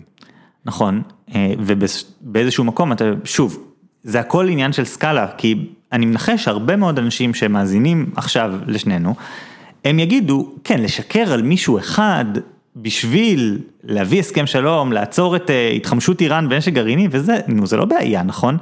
אז כשיש ערכים נורא גדולים הם יכולים להצדיק כל התנהגות. בעיניי לא. אני, אני, אני מודה, זה בדיוק העניין אני, אני לא אומר יכולים, ראוי שיעשו את זה, כאילו, זה בסדר שהם מצדיקים, אני אומר, אנחנו מכירים בני אדם, בסופו כן. של דבר זה יצדיק אצל בן אדם כל סוג של התנהגות, והשאלה היא כמה הוא מגיע עם מצפון פנימי חזק. כן, אתה משוכנע שזה באמת אצל כל בן אדם, כי יש הרבה פוליטיקאים מהשמאל שמדברים איתי, או מה שמוגדר פה בארץ שמאל, הם אומרים לי, לא, הם משחקים את המשחק המלוכלך, אנחנו רק עכשיו התחלנו. אני, אני לא, אני לא חושב שזה נכון, כלומר כן, אני חושב כן, שאנשים כן. משתמשים, כלומר תסתכל על פריימריז בתוך מפלגת העבודה, וכל האנשים שבבחירות הכלליות הם הרבה יותר נצמדים לאמת, בפריימריז הם לא, בפריימריז הם עושים דברים הרבה יותר מלוכלכים, הם כאילו מוכנים להגיד דברים, אתה יודע, הם לא יעשו את זה אולי במקום שיכולים לתפוס אותך, הם יעשו את זה מחוץ לקלפי, או כאילו בוואטסאפים פרטיים, או כל מיני כאלה כדי ש... להפיץ, שמעת ש... כל מיני כאלה. אה, אבל ובבחירות הכלליות, אתה יודע, גם שם, הם, האם הם אומרים דברים נכונים? אתה יודע, למשל, אה, העוני בישראל גדל. זה דבר שהוא לא נכון, הוא פשוט לא נכון, כלומר... א', תגדיר מה זה עוני, ב', אה, זה לא נכון. כן, אבל מדד ג'יני מצטמצם, זאת, הנה, הנה אמת, דבר שאנחנו יודעים בוודאות, אי, והפוליטיקאים אומרים, אי השוויון עולה. הם יודעים שזה לא נכון, או ישבתי פעם עם פוליטיקאי בכיר. אולי הם שכחו שמישהו כבר תיקן אותם עשר פעמים. כן, ישבתי עם פוליטיקאי בכיר בשמאל אה, לפני איזה כמה שנים, ואמרתי לו, תגיד, אבל מה העמדה שלך לגבי מחירי הדיור? אז הוא אומר, עזוב, אין, כאילו אין פה פתרון, כאילו הסיפור זה, אתה צריך לקצר תהליכים, זה ייקח עשר שנים, ואז אולי נראה ירידה. אין, אין פה פתרון, אני מת על זה. לא מדה פאקר, אם היית אומר לי שאתה רוצה להוזיל מחירי דיור, מחר אתה יכול לעשות את זה. אולי, אולי האמצעים יהיו דרסטיים, אתה פשוט לא רוצה לעשות את זה. אני, אני לא, אני חושב שממה שאני יודע, שוב, אני לא מומחה, אני חושב שזה רק תהליכים ארוכי טווח. אתה יכול להוריד, אבל הכוונה היא לא, לא תוך שנה, שנתיים. אתה יכול להגיד שהמס על אה, השקעה בנדל"ן היא 70-80 אחוז, נגמר, הורדת. השאלה אם, זה, זה בדיוק ההבדל, אתה יודע, עקומת לאופר, ב-100 אחוז אף אחד לא עושה את זה, ב-0 אחוז אתה לא מרוויח. אבל יש אמצעים, זה פשוט, אה, כמו שאמרתי באותו פרק, 70 אחוז מהאזרחים בישראל הם בעלי, או מאלה שמתגוררים בבתים, הם הבעלים של הבית. סטו. אתה לא באמת רוצה להוריד מחירי דיור מעבר לאיזשהו קו. זה כבר לא 70, זה 60 ומשהו, זה ירד, השאיפה היא לאזור 70, אבל הנקודה היא שאתה לא באמת רוצה. אין, זה רק אומר, אין אמצעים שירדו רך בגרון. כן, אבל גם הוא מתכוון, אין אמצעים ש, שאני אקבל עליהם, אין אמצעים יעילים לטווח הארוך, שאני אקבל עליהם קרדיט פוליטי, כאילו באיזשהו, אתה יודע, קונסטלציה כזאת שאני רוצה להיבחר. אז הוא אומר לי את הדבר הזה, ואני אומר, אה אוקיי, כאילו הוא מדבר איתי על ועדות ותכנון וזה, ואני רואה איזה בן אדם שמבין, הוא מבין תהליכי תכנון, הוא מבין את כל הדברים האלה, הוא לא דביל. הוא ממש ממש, הוא מבין פי עשר ממני, אני, או פי מאה, לא יודע, אני לא מבין גדול בזה, טיפה... הוא מבין ואתה לא, בוא נגיד ככה, כן. ואז אני רואה אותו אחרי לא יודע כמה זמן, הולך ואומר, אם אני אבחר, תוך שנה מחירי הדיור יורדים, וכזה, אבל, אבל, אתה יודע שזה לא נכון, אתה, זה אפילו לא, אתה אמרת לי שזה לא נכון, אתה, ישבנו שם, לא ישבנו באיזה בית קפה ומלא, ישבנו בבית שלך. ישבנו בבית שלך בסלון, היינו אתה, אני והיועץ, שלושה אנשים, אמרת לי ככה אוף דה רקורד, לא, אין אפשרות לעשות את זה תוך שנה, שנתיים שהיא סבירה, זה רק תהליכים ארוכי טווח. ואז אתה אומר, בטח אני עושה את זה, זה לא שקר? ברור שזה שקר. שוב, מידע. אתה מבין, זה, זה מתאפשר כי אין מידע. זאת אומרת, אם הייתי נכנס, אה, הנה 108 דברים שאותו פוליטיקאי אמר בשנה האחרונה שהם שקריים, לעומת שתיים שאמר שהם נכונים, וואו, יש לו בעיית אמינות לבחור הזה. אין, אין, אתה יודע, אם בכל רגע נתון כל המידע מולך, מה שנקרא סימטרי, אה, כולם רואים, נחשפים לאותו מידע. כל הדיון היה משתנה, בתיאוריה. למרות שתסתכל על טראמפ, שיקר, מה זה היה? 60 אחוז, 70 אחוז, 80 אחוז מההצהרות שלהם שקר. כמעט כל משפט שלו. כשעשו את הפקט צ'קים ב-2016, ואז אתה יודע, אומרים לאנשים, לא, אבל הנה האמת, וזה פשוט נכנס באוזן אחת, יוצא באוזן השנייה, נורא קשה, פסיכולוגית, אנחנו, זה אחד הדברים שאנחנו הכי יודעים. ברגע שהכנסת למישהו רעיון לראש, בהצלחה אם להוציא אותו. שיקרת, כבר, כבר, זה בחוץ. לך, לך תחזיר את זה חזרה, אין, אין כלים טובים ממש לעשות את זה. כן, ש, שם אבל זה כבר אנשים שאומרים לא אכפת לי. זאת אומרת, זה כבר דיון אחר. אם בן אדם אומר לי לא אכפת לי אם הוא דובר אמת או שקר, אה, אוקיי, אני לא יכול לדעת איתך. זאת אומרת, אני, אני מבין, יש פה בעיה. זה, זה כבר בעיה מסדר גודל אחר. כן, ו- ובסופו של דבר, הדבר שאני חוזר אליו עם אנשים שאני עובד איתם, זה אתה, וכשאתה צריך להחליט מה אתה עושה, זה אתה והמצפון שלך, ואולי הדבר הכי חשוב שאני אומר לאנשים, שימו לב שאתם לא נמצאים בעולם שכל מי שמסביבכם הוא פוליטיקאי. אני יודע שאם אני אעשה משהו לא סבבה בקמפיין, והחברים שלי מהבית, שהם כולם הייטקיסטים, פחות או יותר, אה, ישמעו שעשיתי את זה, הם יגידו לי, לא קול, לא, לא טוב, אנחנו לא מקבלים את מה שעשית, הם יבקרו אותי על זה. אני סומך עליהם לעשות את זה, אני מבקש מהם, מדי פעם אני מזכיר להם, שימו לב, אם, אם נראה לכם שזה בעייתי, תגידו לי. למה? כי אני צריך, כי, כי אני יודע שבן אדם בתוך עצמו, יהיה לו נורא קשה למצוא את המצפן הזה ולדעת שהוא לא חורג. אז יש חריגות קטנות ואתה אומר, טוב, לצורך המטרה הגדולה, אבל בלי עמוד שדרה מאוד מאוד חזק פנימי, אתה תיכנס לזירה הזאת, תראה מה מקובל ומה נהוג, יעשו לך דברים נוראים, והסיכוי שאחרי שיעשו לך משהו נוראי, אתה לא תגיב ב... יעשו לך חזרה משהו נוראי. לא יודע, זה, זה, זה אתה והמצפון שלך, אני לא יודע מה קורה אצלך בראש, אני יודע מה קורה אצלי, ואני יודע שאצלי, אני חוזר חזרה לחברים שלי ומדבר איתם כדי לקבל ריאליטי צ'ק. עד כמה חשובה המעטפת סביב המועמד?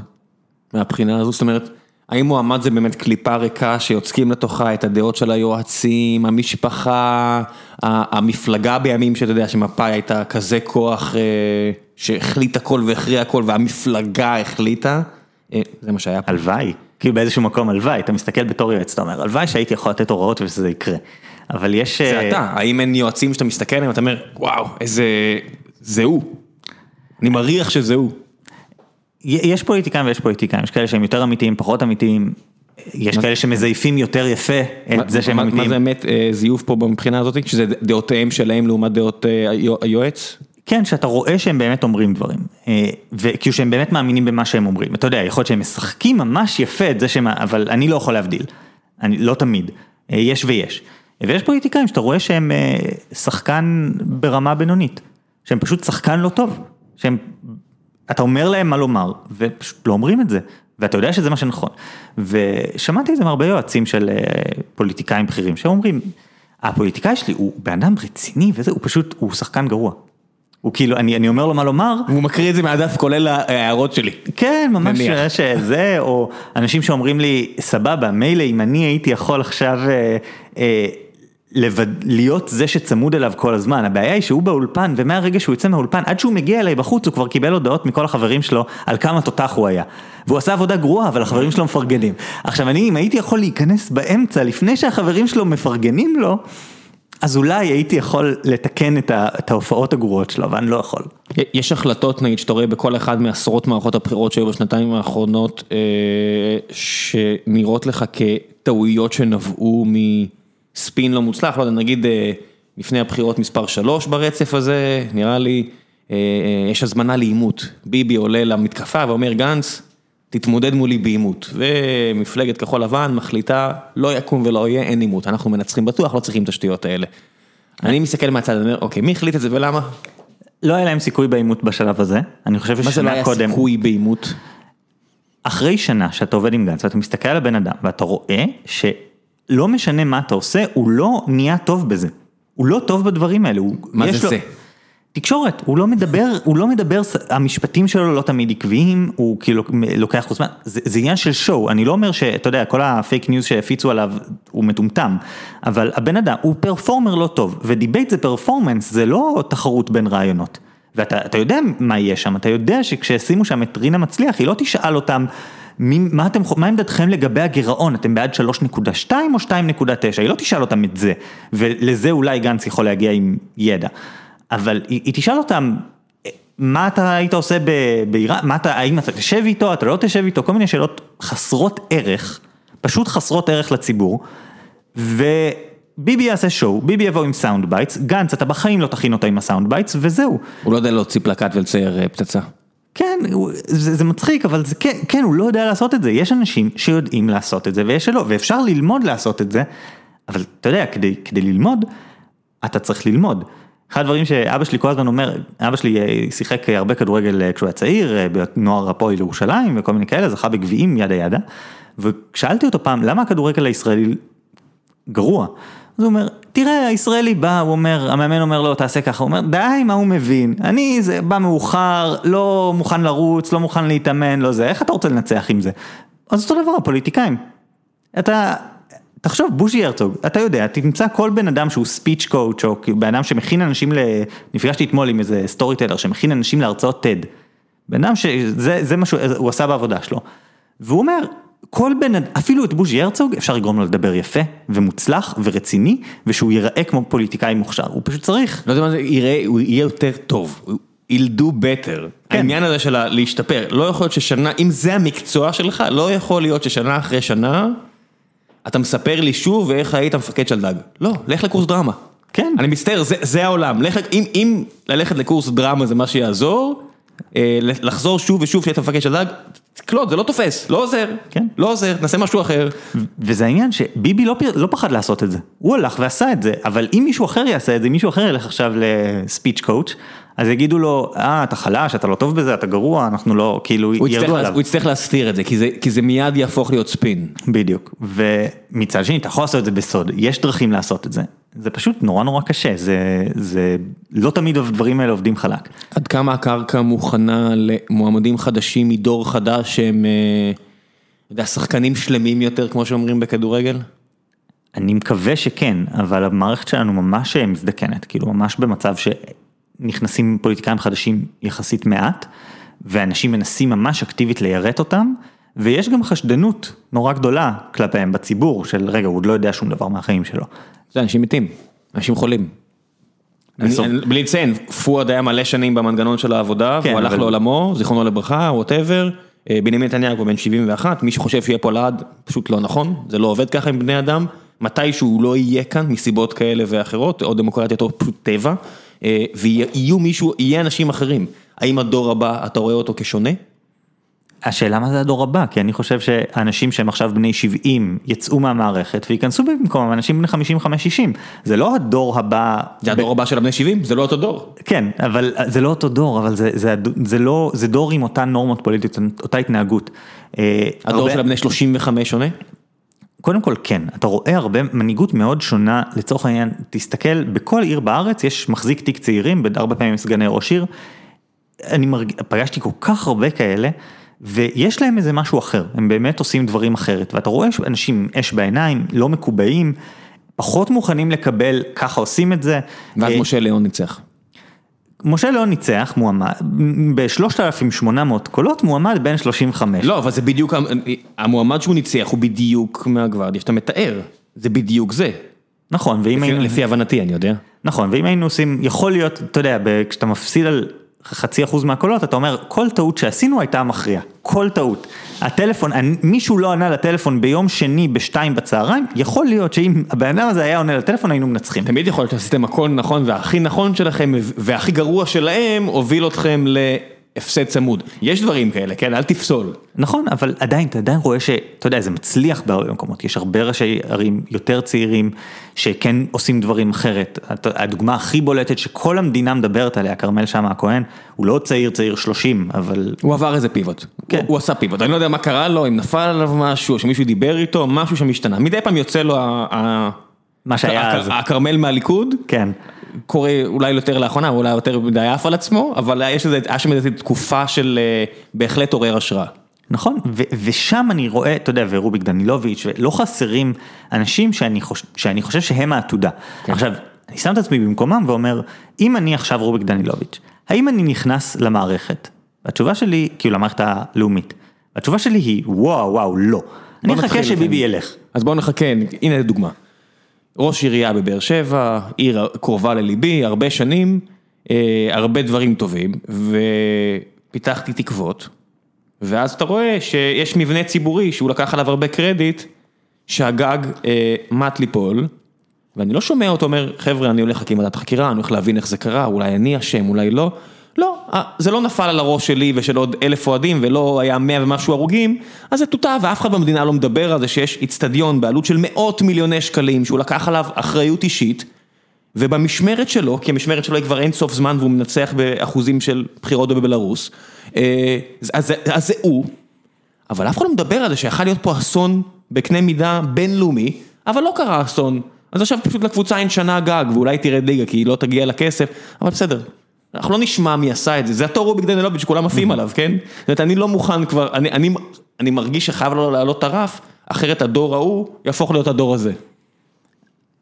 אין, אין, אין לי תשובה טובה לזה, כלומר אני לא מכיר את הסיפור, אני- אני- אני אבל אני כי כן לא מכיר בערים. אחרות, כן. ואני כן מכיר שיש פוליטיקאים שעושים עבודה יותר טובה, שרואים דברים אחרת, ובתקווה, התקווה שלי זה שהם לא ייכנסו למנגנונים ו- ויקחו את כל הדברים השליליים, אלא יביאו איתם דברים חיוביים, לא ייתנו למנגנון לעצב אותם. יש לי חברים שאני רואה אותם בכל מיני מפלגות, שהכרתי אותם בתור אקטיביסטים צעירים, והיום אני לא מסוגל להאמין לדברים שאני רואה שהם כותבים, כאילו כל מיני דברים שהם פשוט בעד דברים הזויים, אני כאילו לא רוצה לפרט כדי, כדי לא לחשוף אותם, אבל פשוט אנשים שאני מרגיש שכל דבר שהמערכת יכלה להשחית אותם, היא השחיתה.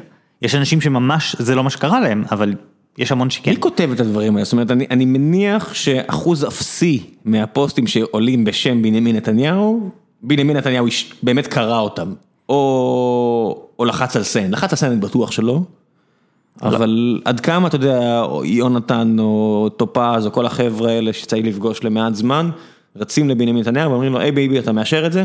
או לא, אני מניח שלא קוראים לו ביבי, אני לא יודע מה המערכת ביניהם, אבל אתה מאשר? כן, סבבה, תוציא. אין, אין תשובה אחת לזה, אני מנחש שאצל נתניהו, כן. ספציפית, יש לו הרבה יותר, מעור- כאילו יש שתי אופציות, או שיש לו המון מעורבות, או שהוא סומך על הבן אדם, זה לא יועץ חיצוני שהגיע הרגע. לא, לא, פול טיים, רץ איתו הרבה שנים. ואז אתה נוצר איזשהו קשר אישי ואתה יכול לסמוך על הבן אדם, באופן אתה סומך. עליו, זה עדיין לא אתה.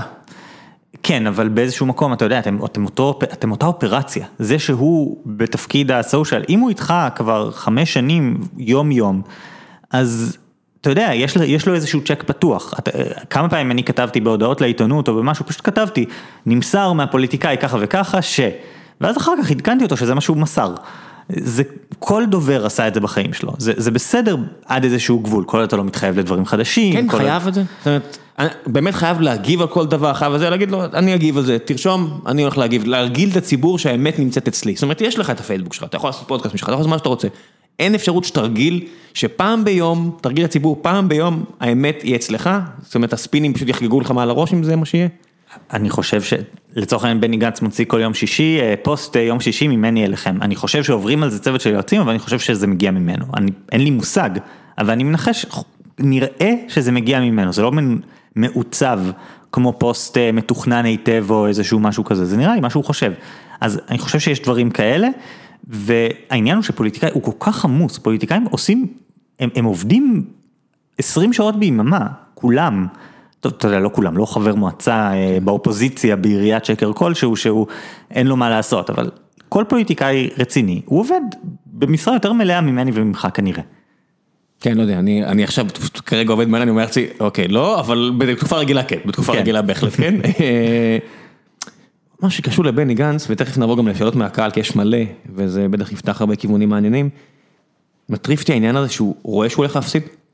כאילו, אם, אם היעד הוא להיות ראשות הממשלה, אני לא רואה באיזה סיטואציה הוא חושב שיהיה ראש ממשלה, ו...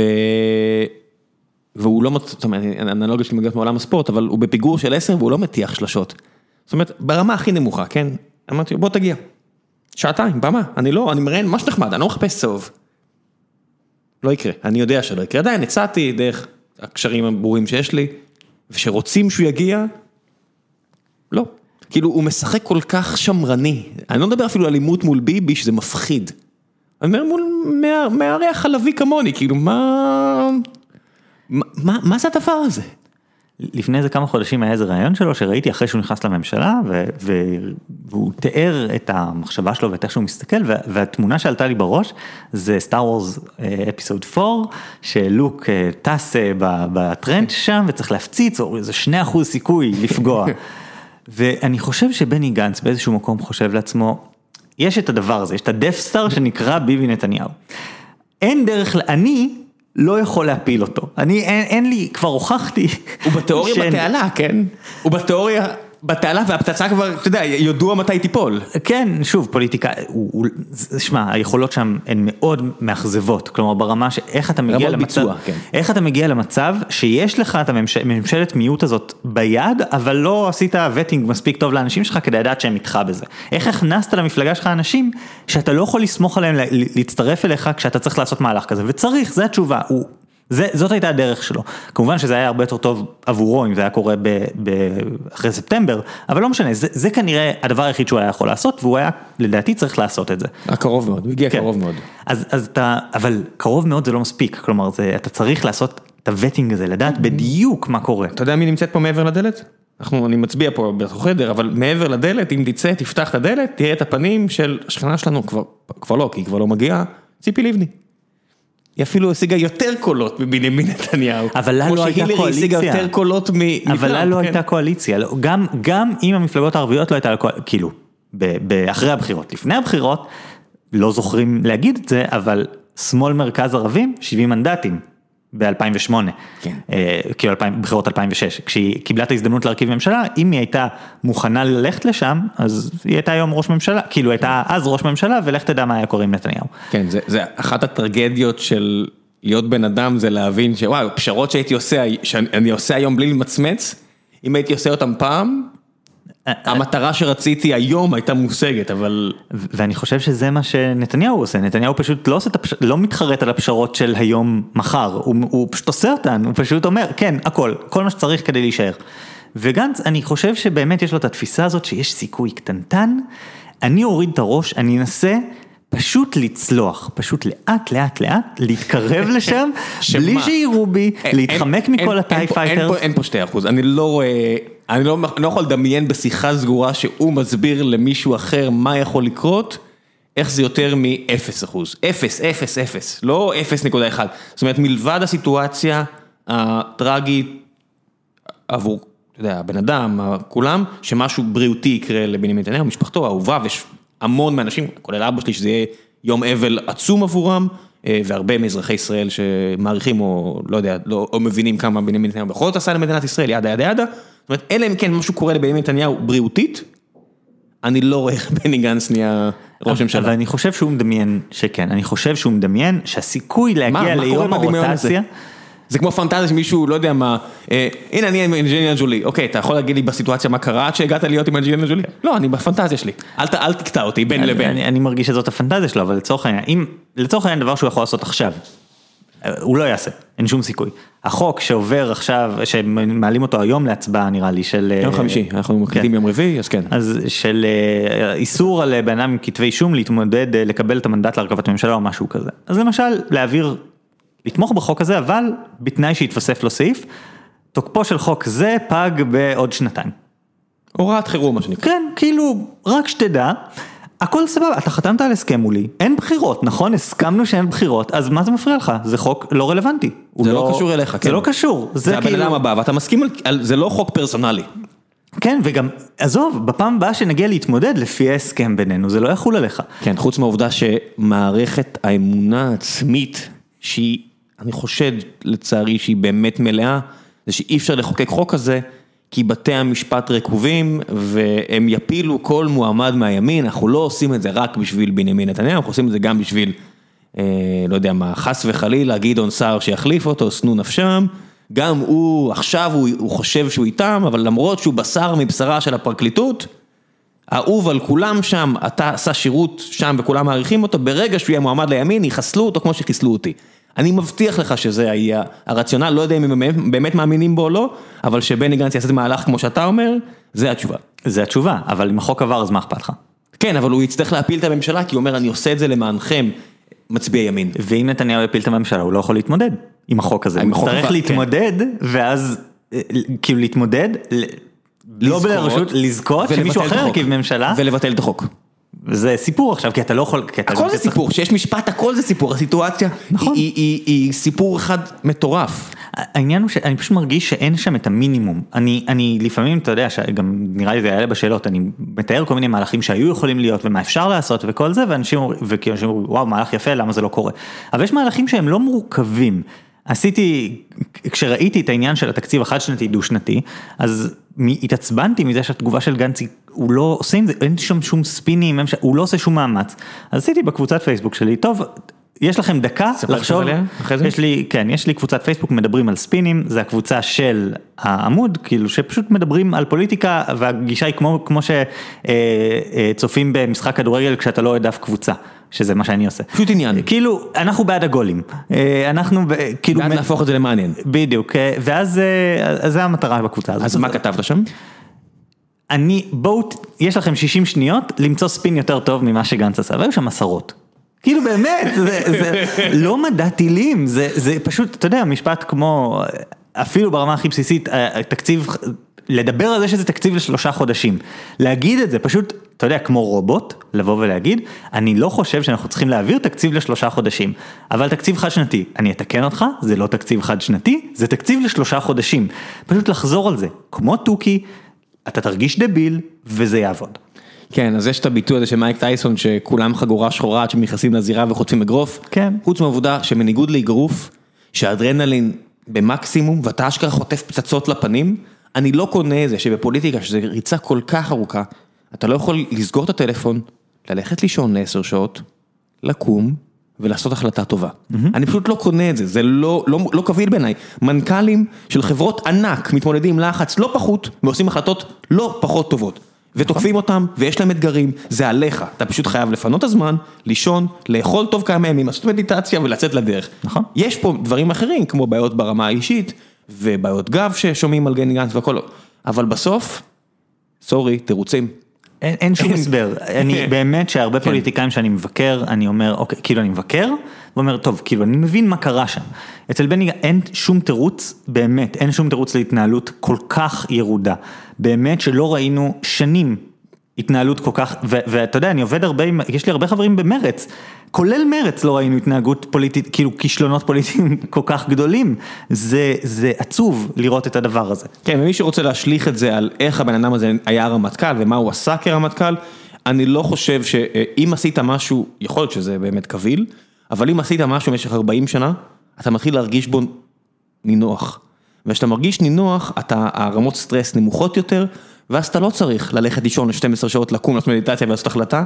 ההחלטות הטובות, הם, הם, יש, יש לך כבר דפוסים של החלטות טובות. יותר, פחות. עובדתית, אה, בתקופתו היו דברים שצה"ל עשה שאפשר להיות גאים בהם, עובדתית, בטח יותר טוב מהכהונה שלו בתור... אה, אה, אולי, אולי, יום אחד, אזרחי ישראל כגוף קולקטיבי ילמדו שרמטכ"לים הם לא פוליטיקאים טובים. אולי, אני, אני זהיר מאוד בהצעה שלי. היסטורית אפילו הצדק עמך, זאת אומרת אם צריכים לדרג עכשיו פוליטיקאים, רמטכ"לים לא, אולי לא מזהירים. זה אפילו לא אולי, כאילו ברק ניצח ניצחון מאוד יפה, אני חושב. עשה משהו אבל- מאוד מאוד חשוב כמו היציאה מלבנון. כן, אבל בעיניי, כפוליטיקאי. ניהול קואליציה והדברים הבסיסיים האלה, ולהתמודד נכון עם קמפ דיוויד, וכל- הוא פשוט לא ניהל את זה נכון. הוא לא ניהל את הדבר הזה נכון. איזה understatement. לא, לא בהקשר, בהקשר של ההסכם שלום, עזוב, לא יכול להגיע הסכם שלום, אבל יש דרכים לנהל את הקואליציה, לשמור את כולם מרוצים. אני אבל... מדבר על זה, אני לא מדבר על אה. מול הפלסטינאים, אני מדבר מול העובדה שאיך הגעת למצב שכולם שונאים אותך מבין עמיתיך. כן, איך השר חוץ שלך- שלך מתפטר כשאתה יוצא לוועידה בינלאומית, כאילו מה, מה? כן, זה, זה ניהול אנושי, כשאתה לא יכול לשים מישהו בכלא צבאי זה כנראה פחות עובד. הם רגילים לאנשים שמצייתים, כשלפעמים בזירה הפוליטית הם אלה שצריכים הרבה פעמים לציית. או סתם, יותר. לש... או סתם לשכנע. כן. אתה לא יכול להגיד כי ככה, כי אני הרמטכ"ל, כי כולם אומרים לי כבר 30 שנה שאני הבן הכי חכם בחדר, כי ככה. לא אחי, לא קונה את זה. נכון. אתה טוב בדברים מסוימים, פחות טוב באחרים. יאללה, קצת שאלות מהקהל. אה, לפני שנגיע לשלב השאלות מהקהל, אני אספר לך על נותני החסות שלנו, אה, חברת סולמייט, חברת סולמייט אה, מבינה שבימים אלו אתם לא יכולים לשלם, או לא כדאי שתשלמו המון כסף על אוכל לכלבים, בדיוק הזמנתי, למקרה שמישהו חושב, אם אני סתם אומר את זה, לא, אני אשכרה מזמין אוכל אה, לכלבים שלי מסולמייט, וזוגתי שאלה אותי, אה, תגיד, קנית שני שקים? אמרתי, כן, שאלה למה, אמרתי, כי זה 200 שקל, היא אמרה, מה, פחות משק אחד של החברה ההיא וההיא? אמרתי, כן, שיחה אמיתית שהתנהלה לפני יומיים, אחלה חסות, אני מרגיש גאה בעצמי, כי זה אשכרה קרה, והיא אמר, אמרה לי, זה פחות טוב? אמרתי לה, לא, יש תו תקן, אירופאי, אמריקאי, אירופאי יותר מחמיר, הם עומדים בתו התקן האירופאי, ואז היא המשיכה בשאלות של אז איך זה יותר זול, אמרתי לה, כי הם חוסכים עלויות, אין להם אופרציה שמנה ואחוזי רווח גבוהים, אני מכיר את גיל, הוא שירת איתי בעוקץ, ישבתי אצלו כמה פעמים, הם עושים את האריזות, אה, ב, מה זה בעצמם, לא יושבים מכינים את הפלסטיק, האוכל הוא מגיע מפס ייצור של חברות מוכרות יותר, אבל בגלל שאתה האופרציה הרבה יותר רזה, זה חדר לא רחוק מפה עם מעט מאוד אנשים שעובדים יותר שעות מאשר אצל המתחרים, אז אתה יכול לחתוך בעלויות, ושני שקים עולים 200 שקל, ואם תיכנסו ותז... ותשתמשו במילה גיק, G-E-E-K, אה, זה יעלה לכם אפילו עוד פחות, 50 אחוז הנחה אם אני זוכר נכון על השק השני, זה, זה, זה עובד רק בהזמנה הראשונה, אה, כי הם מפסידים על זה, אני אומר לכם באמת, לא, לא ספין ולא כלום, לפי מה שאני יודע, אני, אני אסגור את זה בזה, אה, לפי מה שאני יודע, ובדקתי כמה שאני יכול, אז סולמייט, אחלה אוכל לבעלי החיים שלהם, כלבים וחתולים, אני ממליץ, גיק זה המילה ב... promo code. יאללה, איתי חממי שואל, האם אתה יכול בבקשה לדרג את הספינרים הטובים ביותר והפחות טובים בישראל, ולהוסיף במה שונים הספינים בארץ לעומת העולם ולמה? אני, אני לא אוהב את הדירוגים באופן כללי, אבל נתניהו מנצח בזה פשוט כי הוא מקצוען בזה. אתה אפילו לא מביא קרדיט לספינולוגים שלו?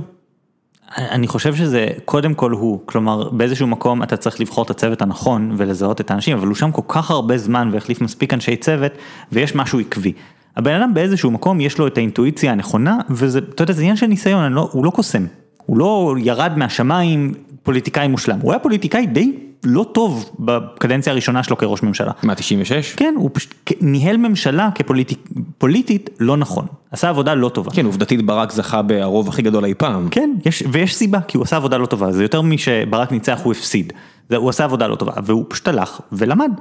יש גם ציטוט, אני מת על הקטע הזה בתוכנית של עובדה ב-2016, עם התגובה הארוכה שאילנה דיין הקריאה בסוף, כולם זוכרים את התגובה, אני זוכר חלק אחר, שיש שם איזה קטע שמדברים עם אחת היועצות של ביבי, והיא אומרת, אה, ואז אחרי ההפסד ב-99, או ב-2001 לשרון, לא זוכר אחד מהם, הוא הולך ואומר, ויש מוזיקה דרמטית ברקע, אני, אה, אנחנו צריכים לעשות, אנחנו כמשפחה, הפוליטיקאי המקצועי ביותר בישראל, זה אנחנו חייבים לעשות את המאמץ הזה כדי שנוכל לחזור לשם.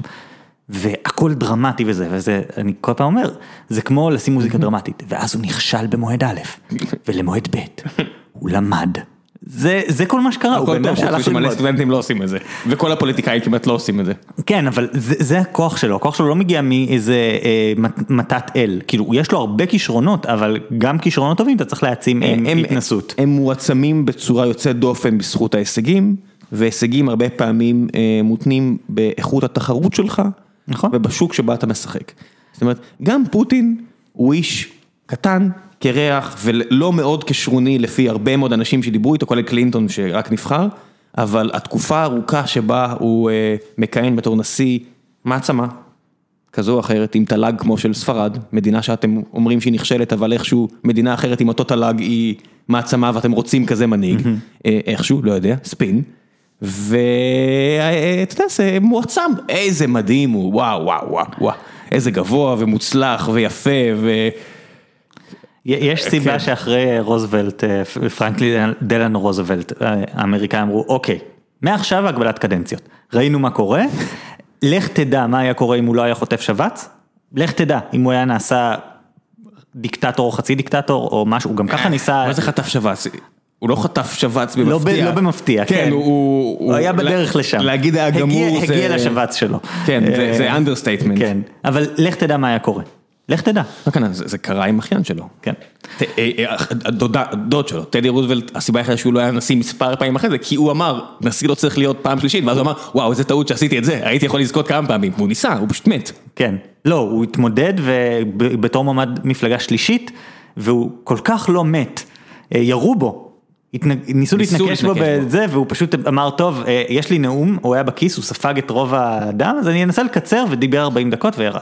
כן אבל הוא כן. פשוט היה כל כך רגיל לדבר שעתיים שבשבילו 40 כן, דקות היה קצר. כן. בקיצור אז ביבי במקום הראשון אחריו ממש אין המון ממה לבחור.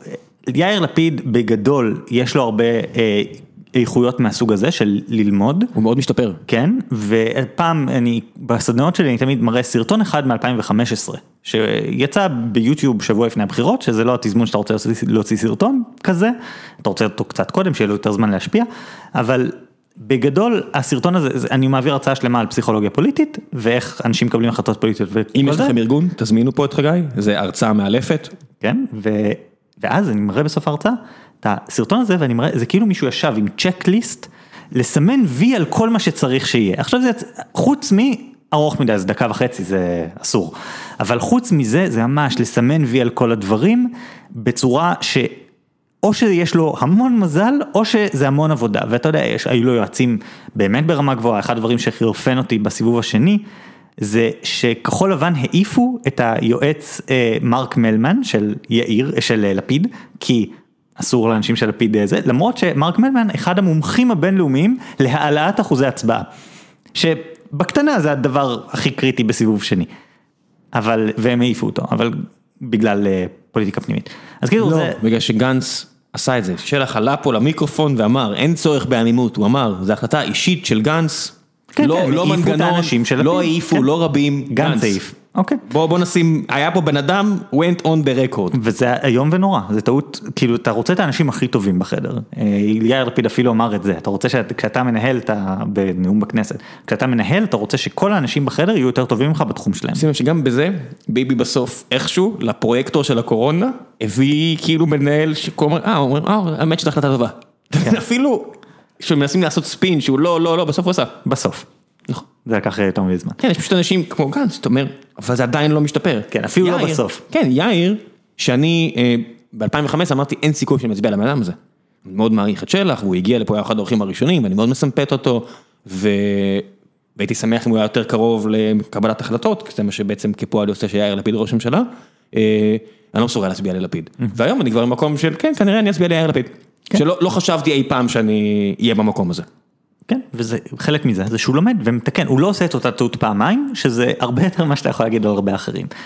וזהו, ואז זה בגדול נגמר, כלומר הרשימה נגמרת קצת אחרי זה, כלומר יש אנשים שיש להם הבלחות וזה, אבל בליגה הזאת, אה, כאילו מה, אני עכשיו אתווכח על אה, מקום, אה, אני מדלג ישר למקום 10, אני אתווכח על מי יהיה 10-11, לא יודע, הלכת אני- לפוליטיקאים ולא לספינולוגים.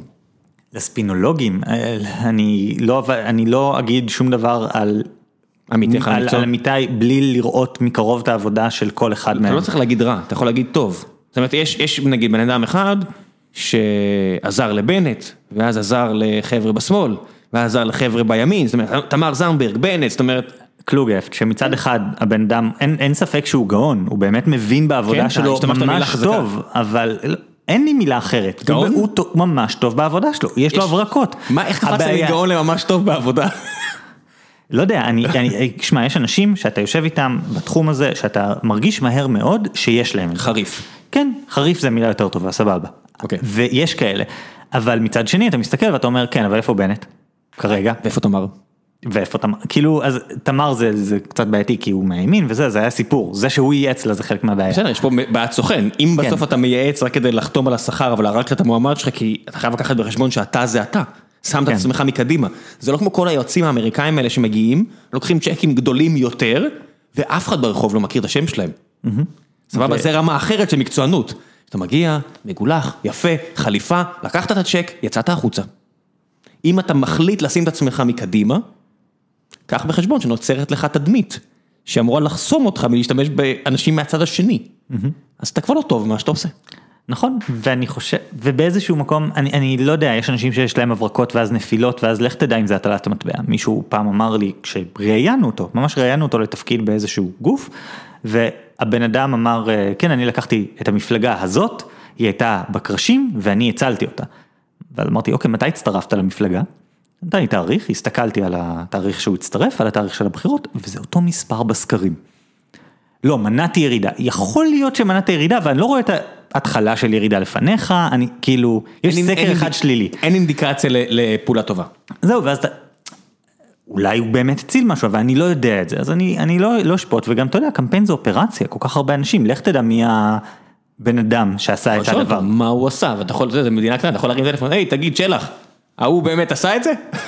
אבל גם שם אתה נכנס לפוליטיקה, כן, בעצם כן, מי ברור. שהביא אותו זה החבר שלי ולא זה, או האויב שלי, ואני כן, מסכים, כן. קיצור, לך לא, אני, תדע. אני אומר, זה קשה, איכשהו זה, זה אפשרי, אבל כמו שאתה אומר, שהאינדיקציה כל כך נגדך, זה כבר סיפורי סיפורים. כן, וגם מה זה הישג, נורא קשה לראות את האפקט.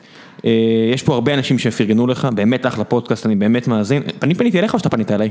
נראה לי שאתה פנית אליי. כן, אני מאוד אה, שמעתי אותך אצל, אה, נראה לי במשחק גדול, ואז נחשפתי לזה, ואז שמעתי מלא מלא פרקים בבת אחת, אמרתי, אוקיי, כן, זה יהיה שיחה טובה, ופניתי אליך, אני אני חושב שזה מה שהיה. אה, איתי לוין, אה, מה חסר לדעתך בספינים בישראל שהיו עושים אותם מוצלחים יותר? אני חושב שצריך תכנון. לאן אתה, אתה הולך? מה הפונקציית ניצחון שלך, ב, לא בניהול של המדינה, מה התמונה שבה אתה מנצח? אני מרגיש שלנתניהו לפעמים יש את זה, אפילו הוא נופל בזה בגלל סיבות אישיות, כשהוא תקף את בנט לפני, בסיבוב הראשון, זה עלה לו בראשות ממשלה בסוף, כלומר, אם הוא לא היה תוקף את בנט 1400 קולות, אז הוא היה קצת יותר קטן, אבל הוא היה מקים קואליציה ככה וזה היה נגמר. אה, אז הרבה, אז הרבה פעמים יש איזה עניין של מה התמונה שבה אני מנצח. לא להגיע לבחירות, אני רוצה להשיג כמה שיותר ואחר כך נבנה קואליציה. אתה צריך להגיע לבחירות כשיש לך קואליציה בראש, עדיף שתיים. אחרת מה אתה עושה? אחרת למה אתה, אז, אז אין... אחרת הבן אדם שבקואליציה שמנסה להקים יש לו המון כוח. אם יש רק אפשרות אחת אז הגעת למצב שהוא מחזיק אותך בביצים. בדיוק, אז פונקציית מטרה, כאילו שתדע מה, מה התנאי ניצחון שלי, איך אני, ותנסה לגזור אחורה. לא תעשה גזירה אחורה מושלמת, אתה תעשה טעויות, אבל שלפחות, אני, אני לא, לא, לא כל בן אדם, אני מסתכל מהצד על הקמפיין שאני אגיד, אה אוקיי, הבנתי, מה הם מנסים לעשות. כן. לפי פרסומים זרים, אה, הבעיה היא שזה לא אה, החלטה טהורה ויש שם שיקולים כמו אני שונאת את הילד, אל תעזור לה. כאלה, זה רק פרסומים זרים, אני יכול להגיד רק, אני לא פגשתי בחיי את שר נתניהו, רק מהצד השני יכול להגיד לכם שבמשך שנתיים או שנה וחצי כל בוקר ניסיתי להוציא מאיילת שקד לכלוך על שר נתניהו ומילה רעה היא לא אמרה עליה, אז עם כל מה שאפשר להגיד על איילת שקד, נאמנה היא בטח, למרות שלא התייחסו אליה נראה לי יפה מאוד שם, זה היה ב-2009 מה שאני אומר עכשיו עד 2009-2010 שיצא לי להיות איתה אה, באותה קומה כל בוקר, ובאמת שכל פעם שאתה מדבר איתה תגידי משהו על אה, שרה, מה קרה שם בלשכה, מילה רעה היא לא אמרה עליה. אז למי שיש אה, ספקות מאיזה כיוון ה-bad blood מגיע, הנה שני הסנט שלי. כן. אני לא מכיר את שרה נתניהו, אני רק שומע את השמועות, שזה בטח ספינים, אבל מהצד הזה של איילת שקד, אני יכול להגיד לכם את מה שאמרתי ואני עומד מאחורי זה אה, במאה אחוז. אה, מיכאל סימנטוב ממשיך את השאלה שאתה עכשיו המשכת, והוא אומר, בפרקים של הפודקאסט אתה מעביר רעיונות ודרכי פעולה פרגמטיים, שתוך כמה דקות נשמעים הרבה יותר טוב ממה ש-95% מהפוליטיקאים עושים, בוא נעגל את זה ל-100%, האם לכולם יש יועצים גרועים, או שיש סיבה עמוקה יותר ללמה הם מתנהלים ברשלנות? אז שאלו אותי את זה הרבה לאחרונה, אז אני, כבר יש לי תשובה מוכנה, שיש את המושג הזה נראה לי של קלאוזביץ, של friction, של חיכוך, שיש לך את התוכנית וככל שהקרב מתארך התוכנית שלך מתבדרת. ובאיזשהו מקום אני יודע שבעולם איפשהו יש קמפיינים שמתקתקים שהכל עובד. אבל אתה יודע, אתה, אתה מנסה לארגן קבוצות מיקוד שאמרו לך שהן יהיו בראשון, אה, שני, ו, אה, סליחה, ראשון, שלישי ורביעי, סיפור אמיתי, מעכשיו. ואז בעצם הקבוצה הראשונה מגיעה ביום שני, אחר כך בחמישי ואז בשישי, ובכלל אתה תקבל את, ה, את הסיכום ביום ראשון שבוע הבא, יש delay עכשיו של כמה ימים. או אתה מנסה לארגן איזה משהו, אבל אין לבן אדם טרמפ להגיע, כאילו כל כך הרבה דברים קטנים, שהתוכניות הגדולות הן שים- לא... שים buffer. אם יצאת מנקודת הנחה שכל מה שתעשה הוא מושלם, אתה בטוח תיפול, כי זה לא יקרה. אה, גם קלאודוביץ', אה, תיאוריקן צבאי אוסטרי, אם אני זוכר נכון, אה, יכול להגיד מה שהוא רוצה, בסוף גנרלים כמו, תמיד אני הולך לנפוליאון, עשה תוכנית מעולה בהתחלה, ואז דברים התבחבשו, אבל הוא הקיף את עצמו בשורה של גנרלים מהגדולים בהיסטוריה, וכל אחד מהם עשה בזמן אמת שורה של החלטות מדהימות שניצחו קרבות. זה הנקודה. אם אתה חושב שאתה תמיד, אין לך פולבק, לא הקפת את עצמך באנשים שיודעים לאלתר בזמן אמת, אתה בטוח תיפול. אני, אני מסכים, ב-2000 ו... לא יודע, קצת אחרי בחירות על- אה, 2015, נפגשתי עם חבר ופשוט התחרפנתי מול, בוז'י עשה איזה טעות, אני לא זוכר מה זה היה, זה היה ב-2016 או משהו כזה. אמרתי, אני לא מבין, הוא פשוט יכול ללמוד, אם הוא היה הולך ולומד, הוא היה זה, ואז הוא, הוא שם לי יד על הכתף, אמר, חגי, גבר בן 50 פלוס, לא יכול שיגידו לו, אתה לא טוב בזה. וואי וואי, איך אני חולק על דעתך? זה דעתו. אני אומר, על, על, על דעתך, כאילו, אתה יודע, הייתי אומר לו בפנים, ממש חולק על דעתו. אבל באיזשהו ואני מקום... מכיר אנשים מקרוב שזה חיים עם זה, ו- וזה רק גרם להם להשתפר בצורה קיצונית. נכון, זה, זה, זה קריטי לעשות את זה, ו, ועדיין, עם כל זה שזה קריטי, אני חושב שהרבה הרבה מהאנשים האלה, יהיה להם נורא קשה לעשות את זה, ולהקשיב, ולא להיות הבן אדם הכי בולט בחדר. כמות הישיבות שהייתי בהן, שאתה פשוט שומע שיש החלטה ברורה, אבל כל אחד בחדר צריך להראות שהוא הכי מבין, ולחזור על אותו דבר, וזה אינסופי, וזה לא היה עובר ב, כן. בשוק הפרטי. לא, זה כן, לצערי, זה, זה פשוט נקרא חברות רעות. אוקיי, אומרת, זה לא היה עובר בהצלחה טוב, גם שם זה לא עובר בהצלחה. כן, לא, יש מקרים שזה כן עובד, אה, אבל זה לא הכלל, זאת אומרת, ללכת על אנקדוטות זה לא צורה טובה לקחת ואני רק אגיד, תשובה יותר, התשובה היותר מפרגנת בתוך הדבר הזה, לא יודע אם צריך, אבל זה שבאיזשהו מקום אתה צריך לזכור שאנשים שנמצאים שם הרבה זמן, הם ינסו לעשות את אותו הדבר שוב ושוב. הם לא משנים, הם כאילו נעשים בטוחים, גם היועצים נעשים בטוחים בעצמם, ומה לעשות, הם כן. מפספסים, ואני כל הזמן אומר, יש לי אינטואיציות טובות, אבל האינטואיציות שלי מגיעות שלב מתחת למה הספרות המחקרית אומרת, שלב, וזה שלב מתחת למחקר בפועל. אני תמיד רוצה מחקר בפועל שמראה לי שהאינטואיציות שלי נכונות, אחרת אני אפילו לא מנסה. אתה הולך על, יותר על לוגיקה אה, והוכחות מאשר אה, success fallacy של הצלחתי אז אני אצליח שוב. אני הרבה פעמים אומר, הצלחנו וזה לא היה קשור אלינו, או הפסדנו, ולמרות שעשינו עבודה טובה וצריך להפריד בין הדברים האלה. כן, פוסט מורטום גם על הצלחה, לא רק על כישלונות. בדיוק. אה, נתנאל בולג, מאזין יקר ועקבי של הפודקאסט, שגם שואל הרבה שאלות תמיד, אה, אז הוא אומר, אה, תספר איך זה להרים פודקאסט שמתבסס על מימון של מאזינים, ואם אתה חושב שהמגמה הזו תתפתח. אז אני התחלתי את המימון איפשהו באמצע סיבוב א' אה, של הבחירות, כאילו 2019, אה, ופשוט הגעתי לאיזשהו שלב שאמרתי, טוב, עדיף שאני אנסה, מה יקרה כבר?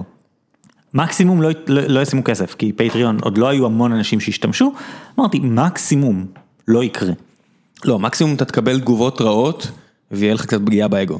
זה המקסימום האמיתי שרוב האנשים, שמונע מהרבה אנשים לעשות ניסויים. נכון, גם, אבל זה עדיין מקסימום, כאילו, לא לא קרה שום דבר. גם אם זה ממש ממש יבאס אותי, אז יהרוס לי יום. אוקיי, לא קרה כלום אם נהרס לי יום אחד. קורה. אה, אז פשוט התחלתי עם זה, ובאיזשהו שלב זה פשוט, הקהילה התחילה להיות כל כך הרבה יותר, מש... הקהילה הזאת דווקא, אפילו לא הקהילה שהייתה קודם של הקבוצת פייסבוק, הקהילה שנוצרה של התומכים, נעשתה כל כך מהותית, כאילו ממש חברויות ואנשים שמתייעצים שם על מה לעשות בחיים שלהם, וכאילו יש קבוצת וואטסאפ הרי, אה, ו, ו, ושואלים שאלות ופונים אליי ב... יש לי פרויקט, אתה יכול לתת לי טיפ פה, או כל מיני כאלה, וה, והקהילה הזאת היא, באיזשהו מקום הסיבה שאני עושה פרקים, היא, כאילו זה נחמד הכסף, כאילו זה גרושים, אבל זה, זה בסופו של דבר הסיבה שאני עושה את זה, היא שאני רוצה, ב, אני רוצה לשמוע, לקבל את התגובות אה, מאנשים, אני רוצה, לה- אני רוצה לעשות את זה בשביל הבן אדם, בשביל אה, איתי וליעד ורועי וכל האנשים האלה שכל הזמן נותנים לי פידבקים, בשבילם אני רוצה לעשות את זה. תקריא לי המספר הזה שאתה רואה פה, אתה רואה משם? כן. תקריא. 33 אלף, לא. אה 33 מיליון 785 919 וואו. כן, בסטרים אלמנטס אנחנו מעצימים יוצרי תוכן, אז זה לא פודקאסטרים עדיין, אבל אנחנו נותנים כוח, סטרים אלמנטס החברה פה שנקרא משתתפיה ומארחת אותנו פה, ברוב נדיבותה, שזה מצחיק להגיד על משהו כזה, אבל בסדר, זה הסיטואציה. אה, אנחנו מעצימים אה, יוצרי תוכן, fame and fortune, זה, זה שם המשחק, ובעצם נותנים להם כלים כדי. המספר הזה שציינת, רק טיפים, כסף על איזה, איזה אחלה משדר עשית, קח כסף, זה כמות הכסף שעברה ב-12 חודשים האחרונים, אה, כמעט 34 מיליון דולר, וזה רק אפיק אחד של, של הכנסות עבור החבר'ה האלה, של יוצרי התוכן האלה, יש merchandise, ויש תשלומים קבועים, שזה לא אלה, זה נקרא subscription או membership, תלוי באיזה פלטפורמה, ויש שור, ו sponsors, יש שורה ארוכה של דרכים למנטז תוכן, אה, כסף ישירות מקהל שמעריך את העבודה שלך, זה לא המצאה של הגלגל, מה שאתה עושה, ואתה עושה, אה, מקווה בהצלחה רבה, כי התוכן שלך הוא מדהים, אה, הוא עובד. זאת אומרת, אם דיברנו על תראה לי למה שזה יעבוד, כי זה פשוט עובד. אני אראה לכם 34 מיליון דוגמאות מה-12 חודשים האחרונים, של דולר אחד שעבר, כי איזה כיף, עשית אחלה עבודה. אני, אני מבסוט עליך. וההתחלה של זה היא פשוט לבקש.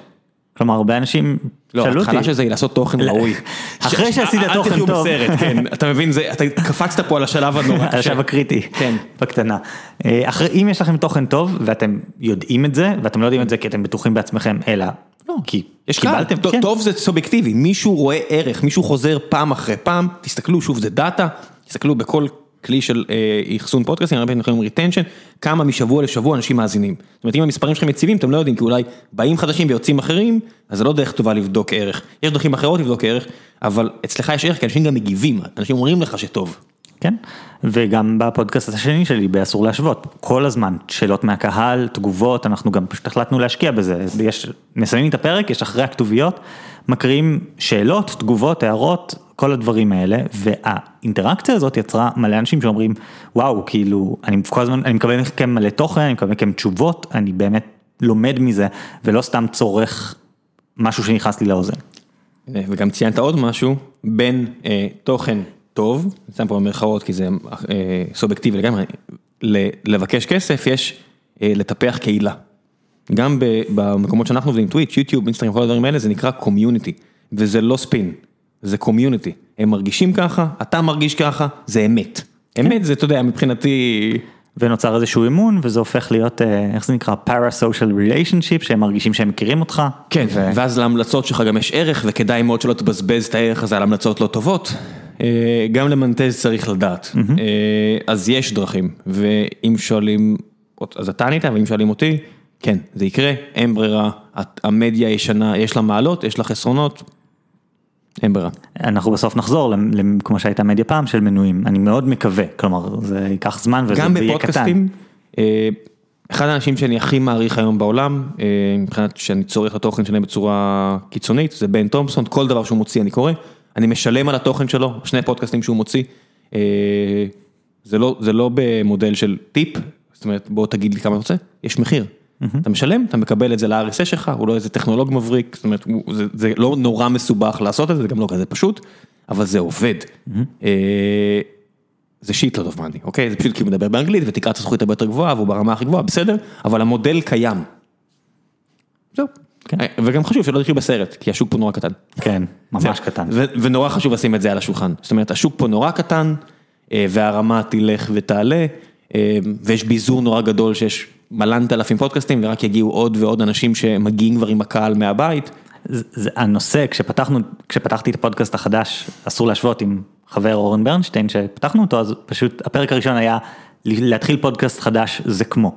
כלומר התחלנו מלדבר על האם כדאי לפתוח פודקאסט חדש בפודקאסט חדש אה, ושם כלומר התחלנו להיכנס למה הסיכוי שלך לגדול איך, איך אתה עושה את זה איך אתה צומח וזה קשה אבל אתה יכול לעשות את זה פשוט אל תעשה את זה כי אתה בטוח שזה יצליח לך. זה גם עניין של אה, כמות על איכות, בסוף אה, עיתון הארץ, אני חושב שזו ההוצאה הכי גדולה שאני מוציא בחודש על תוכן. כן, זה בטוח ההוצאה הכי גדולה שאני מוציא בחודש נתון על תוכן. יש שם מלא דפים. מלא מלא מלא דפים, ואז זה יוצר מצב שאתה לא יכול לשלם כמו שאתה צריך לאנשים, לא יודע, טובים יותר, שוב, טוב, סובייקטיבי. כי אתה צריך לפזר על הרבה מאוד אנשים ואתה משכנע את עצמך שאתה חייב לשים ספרות ותרבות וספורט ופוליטיקה ופרשנות ועוד הגיג ועוד הגיג ועוד הגיג. לא. בעיניי, מצטער, תחתוך 80 אחוז, אני יודע שזה כואב, אבל אתה תוכל לשלם יותר טוב, אז הרמה גם תעלה. אין, הדילול הזה של אה, רמה, היא- הוא הוא הרסני. תהיה טוב, אל תנסה לשפר את החולשות שלך, תחזק את החוזקות שלך, אנחנו בעולם שבו אתה חייב להיות הכי טוב בדבר שאתה עושה, כן. ולא לנסות לפלוש לעוד 40 תחומים במקביל, כי כאילו, זה לא, זה לא פלשת, אתה כבר שם, אתה צריך לקפל. זה, קולוניאל, זה, זה בדיוק קולוניאליזם הפוך, אתה בריטניה, אתה כבר לא יכול להחזיק את כל הקולוניות האלה, הכלכלה לא מאפשרת לך, תחזור להיות אי קטן ומגניב, אין מה לעשות. אנשי הארץ, זה העצה שלי, אבל אף אחד לא שואל אותי, אה, להפך אפילו, מה שנקרא. אה, טוב, אני כן אגיד אה, משהו אחרון על, על העניין הזה.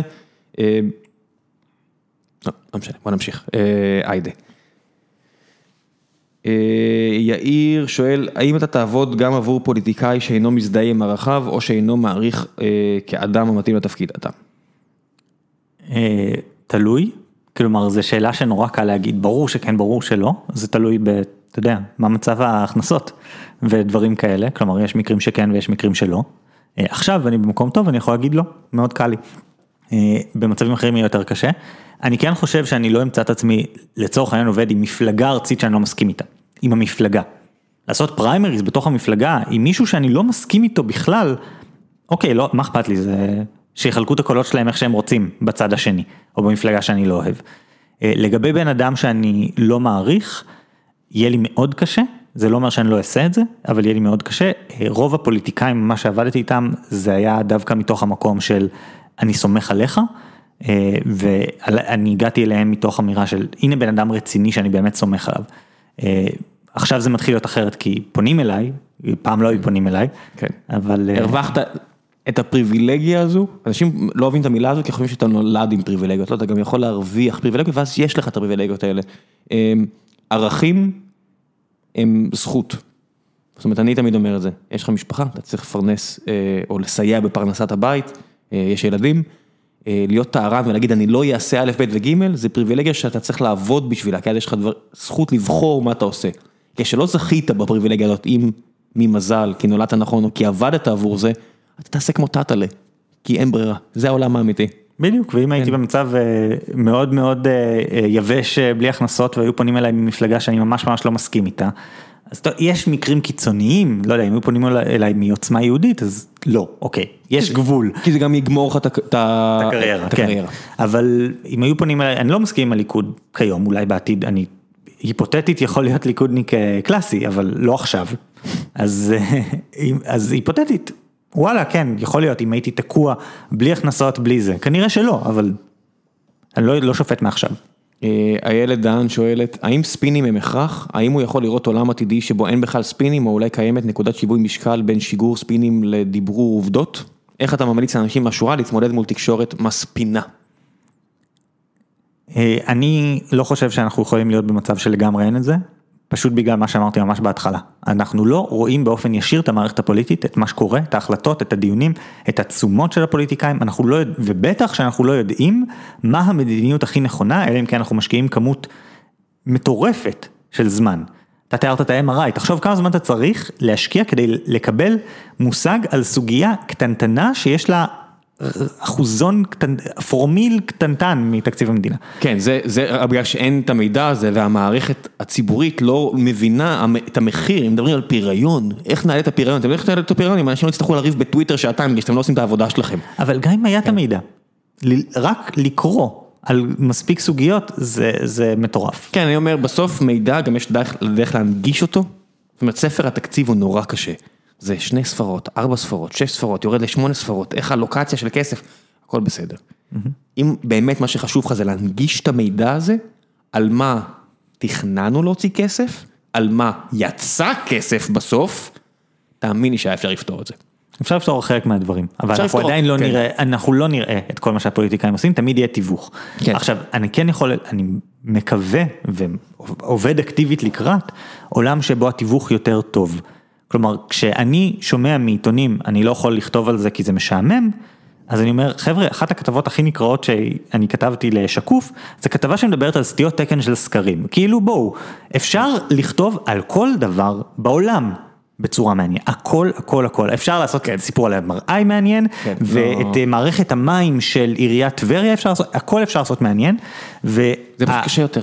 אבל זה מה ש... זה, זה מבין, התפקיד. כן, אתה אומר, אה, תירוץ, אנשים לא יקראו את זה, שקר, שקר, מצטער להגיד לך שקר, אה, זאת אומרת, אנשים אומרים לי, אני חייב לרדד את השיח על ענקיות הטכנולוגיה לטאוטולוגיה, אפס או אחד, רעות טובות. לא אחי, בן תומפסון מיליונר, כי הוא כותב על זה בצורה מעניינת, יש מספיק, גם בעברית, יש מי שיקרא על זה, כי אתה הרגלת אותם לזה שאתה חושב במקומם.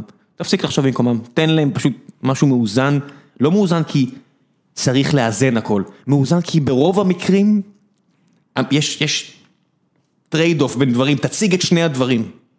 תן לאנשים לחשוב לבד, אחרת איבדת אותם, הם לא מאמינים לך יותר.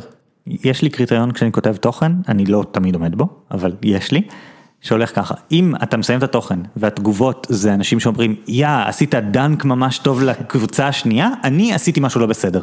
כלומר, גם כשהקבוצה השנייה טועה, אם, אם אני יצרתי את המערכת שכל מה שהיא עושה, זה הופכת לתחמושת בקרב הזה בין הקבוצות, לא משנה באיזה נושא, זה, עשיתי עבודה לא טובה.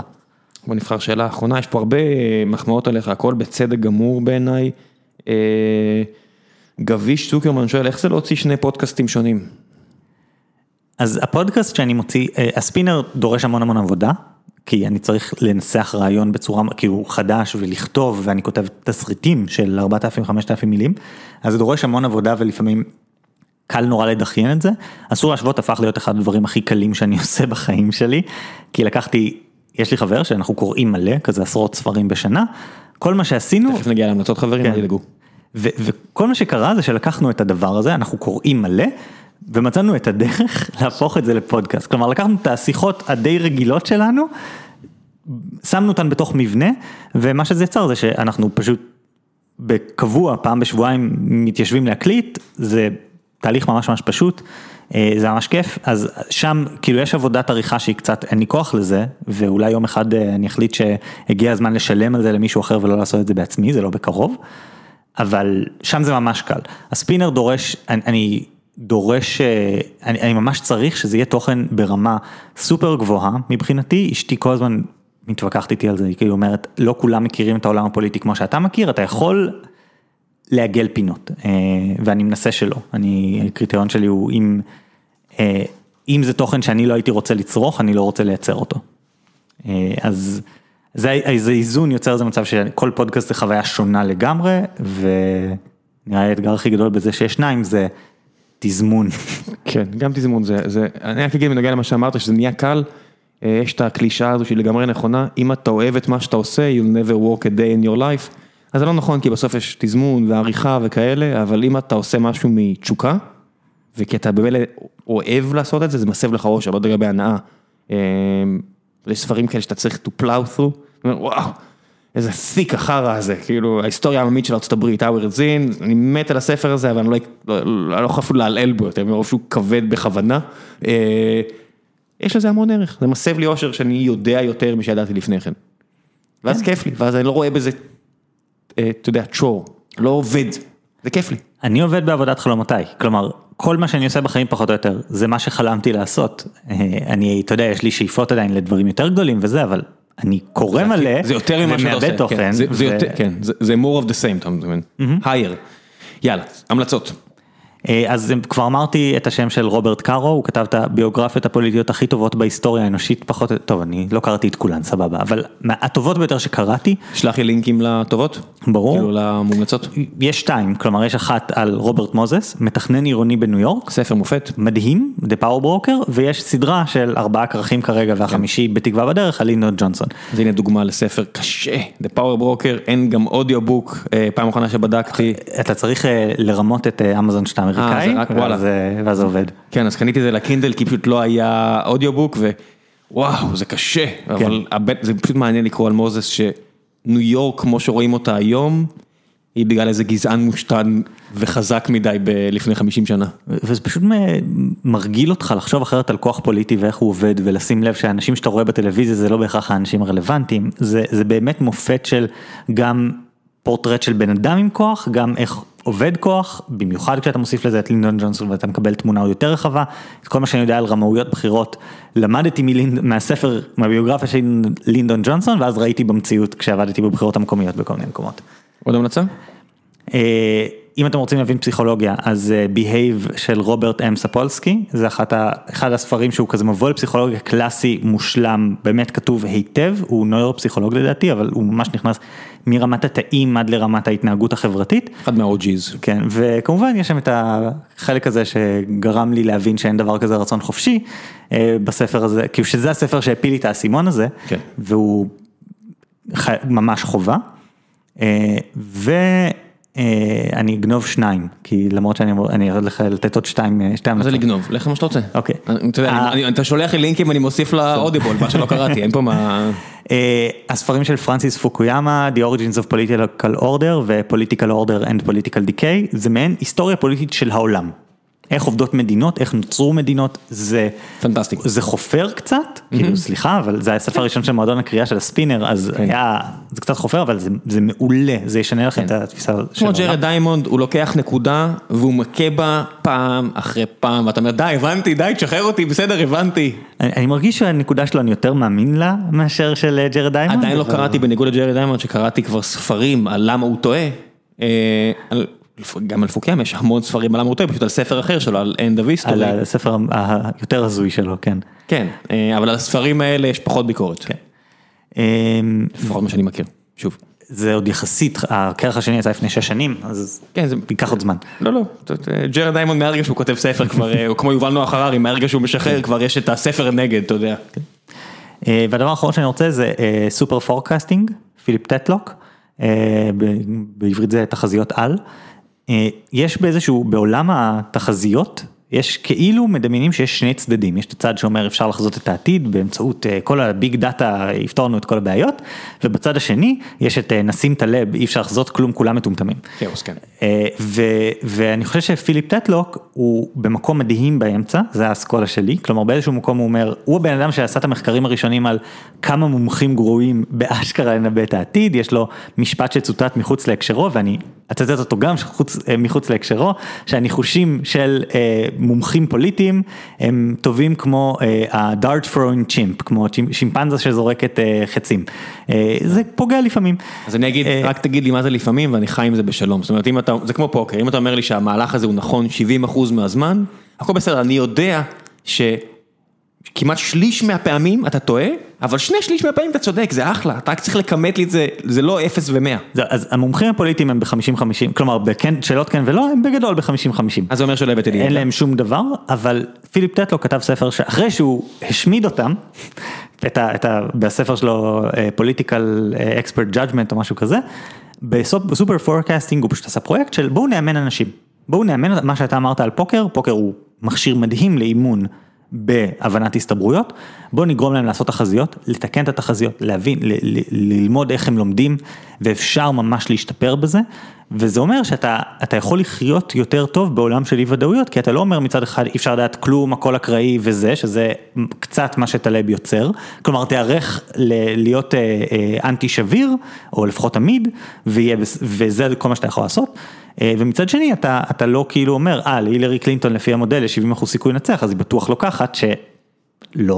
לא, כן, זה לא עובד זה ככה. בדיוק פוקר, של, אני לא מאמין שיצא לך, מה הסיכוי? אחי, 64 אחוז היה לך סך הכל, זה, זה ב- כמעט, כמעט 50-50, מה אתה רוצה? כן, אני גם הייתי כזה, אוי לא, מה הסקרים טעו בדונלד טראמפ ב-2016 כשראיתי את התוצאות, ואז אמרתי, רגע, רגע, אם היו אומרים לי, תקשיב, אתה מגלגל קובייה, אם יוצא אחד או שתיים טראמפ נבחר, אם אתה לוקח את ההימור הזה, לא היית מהמר את הבית שלך לדבר הזה? בסוף את זה, זה לא אחד או שתיים. אני מגלגל קובייה של D&D, שיש 20 פאות. 1 עד, 1 עד 3, בסדר? 1 עד 2. מתוך כן. 1 עד 20, זאת אומרת 10 אחוז או 5 אחוז. כן, אתה מוכן, כדור בראש, אתה מוכן? לא, לא, זהו, זה יופי, התשובה. נגמר, תעבור הלאה. אז ברגע שאתה לומד את. זה, אה, פיליפ טטלוק ממש מסדר את איך, איך לחשוב ככה, אני לא יכול להגיד שאני מומחה בזה, כאילו שיישמתי את כל העצות שלו, אבל זה הספר למי שרוצה למצוא את המקום הטוב הזה באמצע. יאללה, לפני שאנחנו הופכים לדלת, תודה רבה רבה רבה. תודה לך. ביי ביי.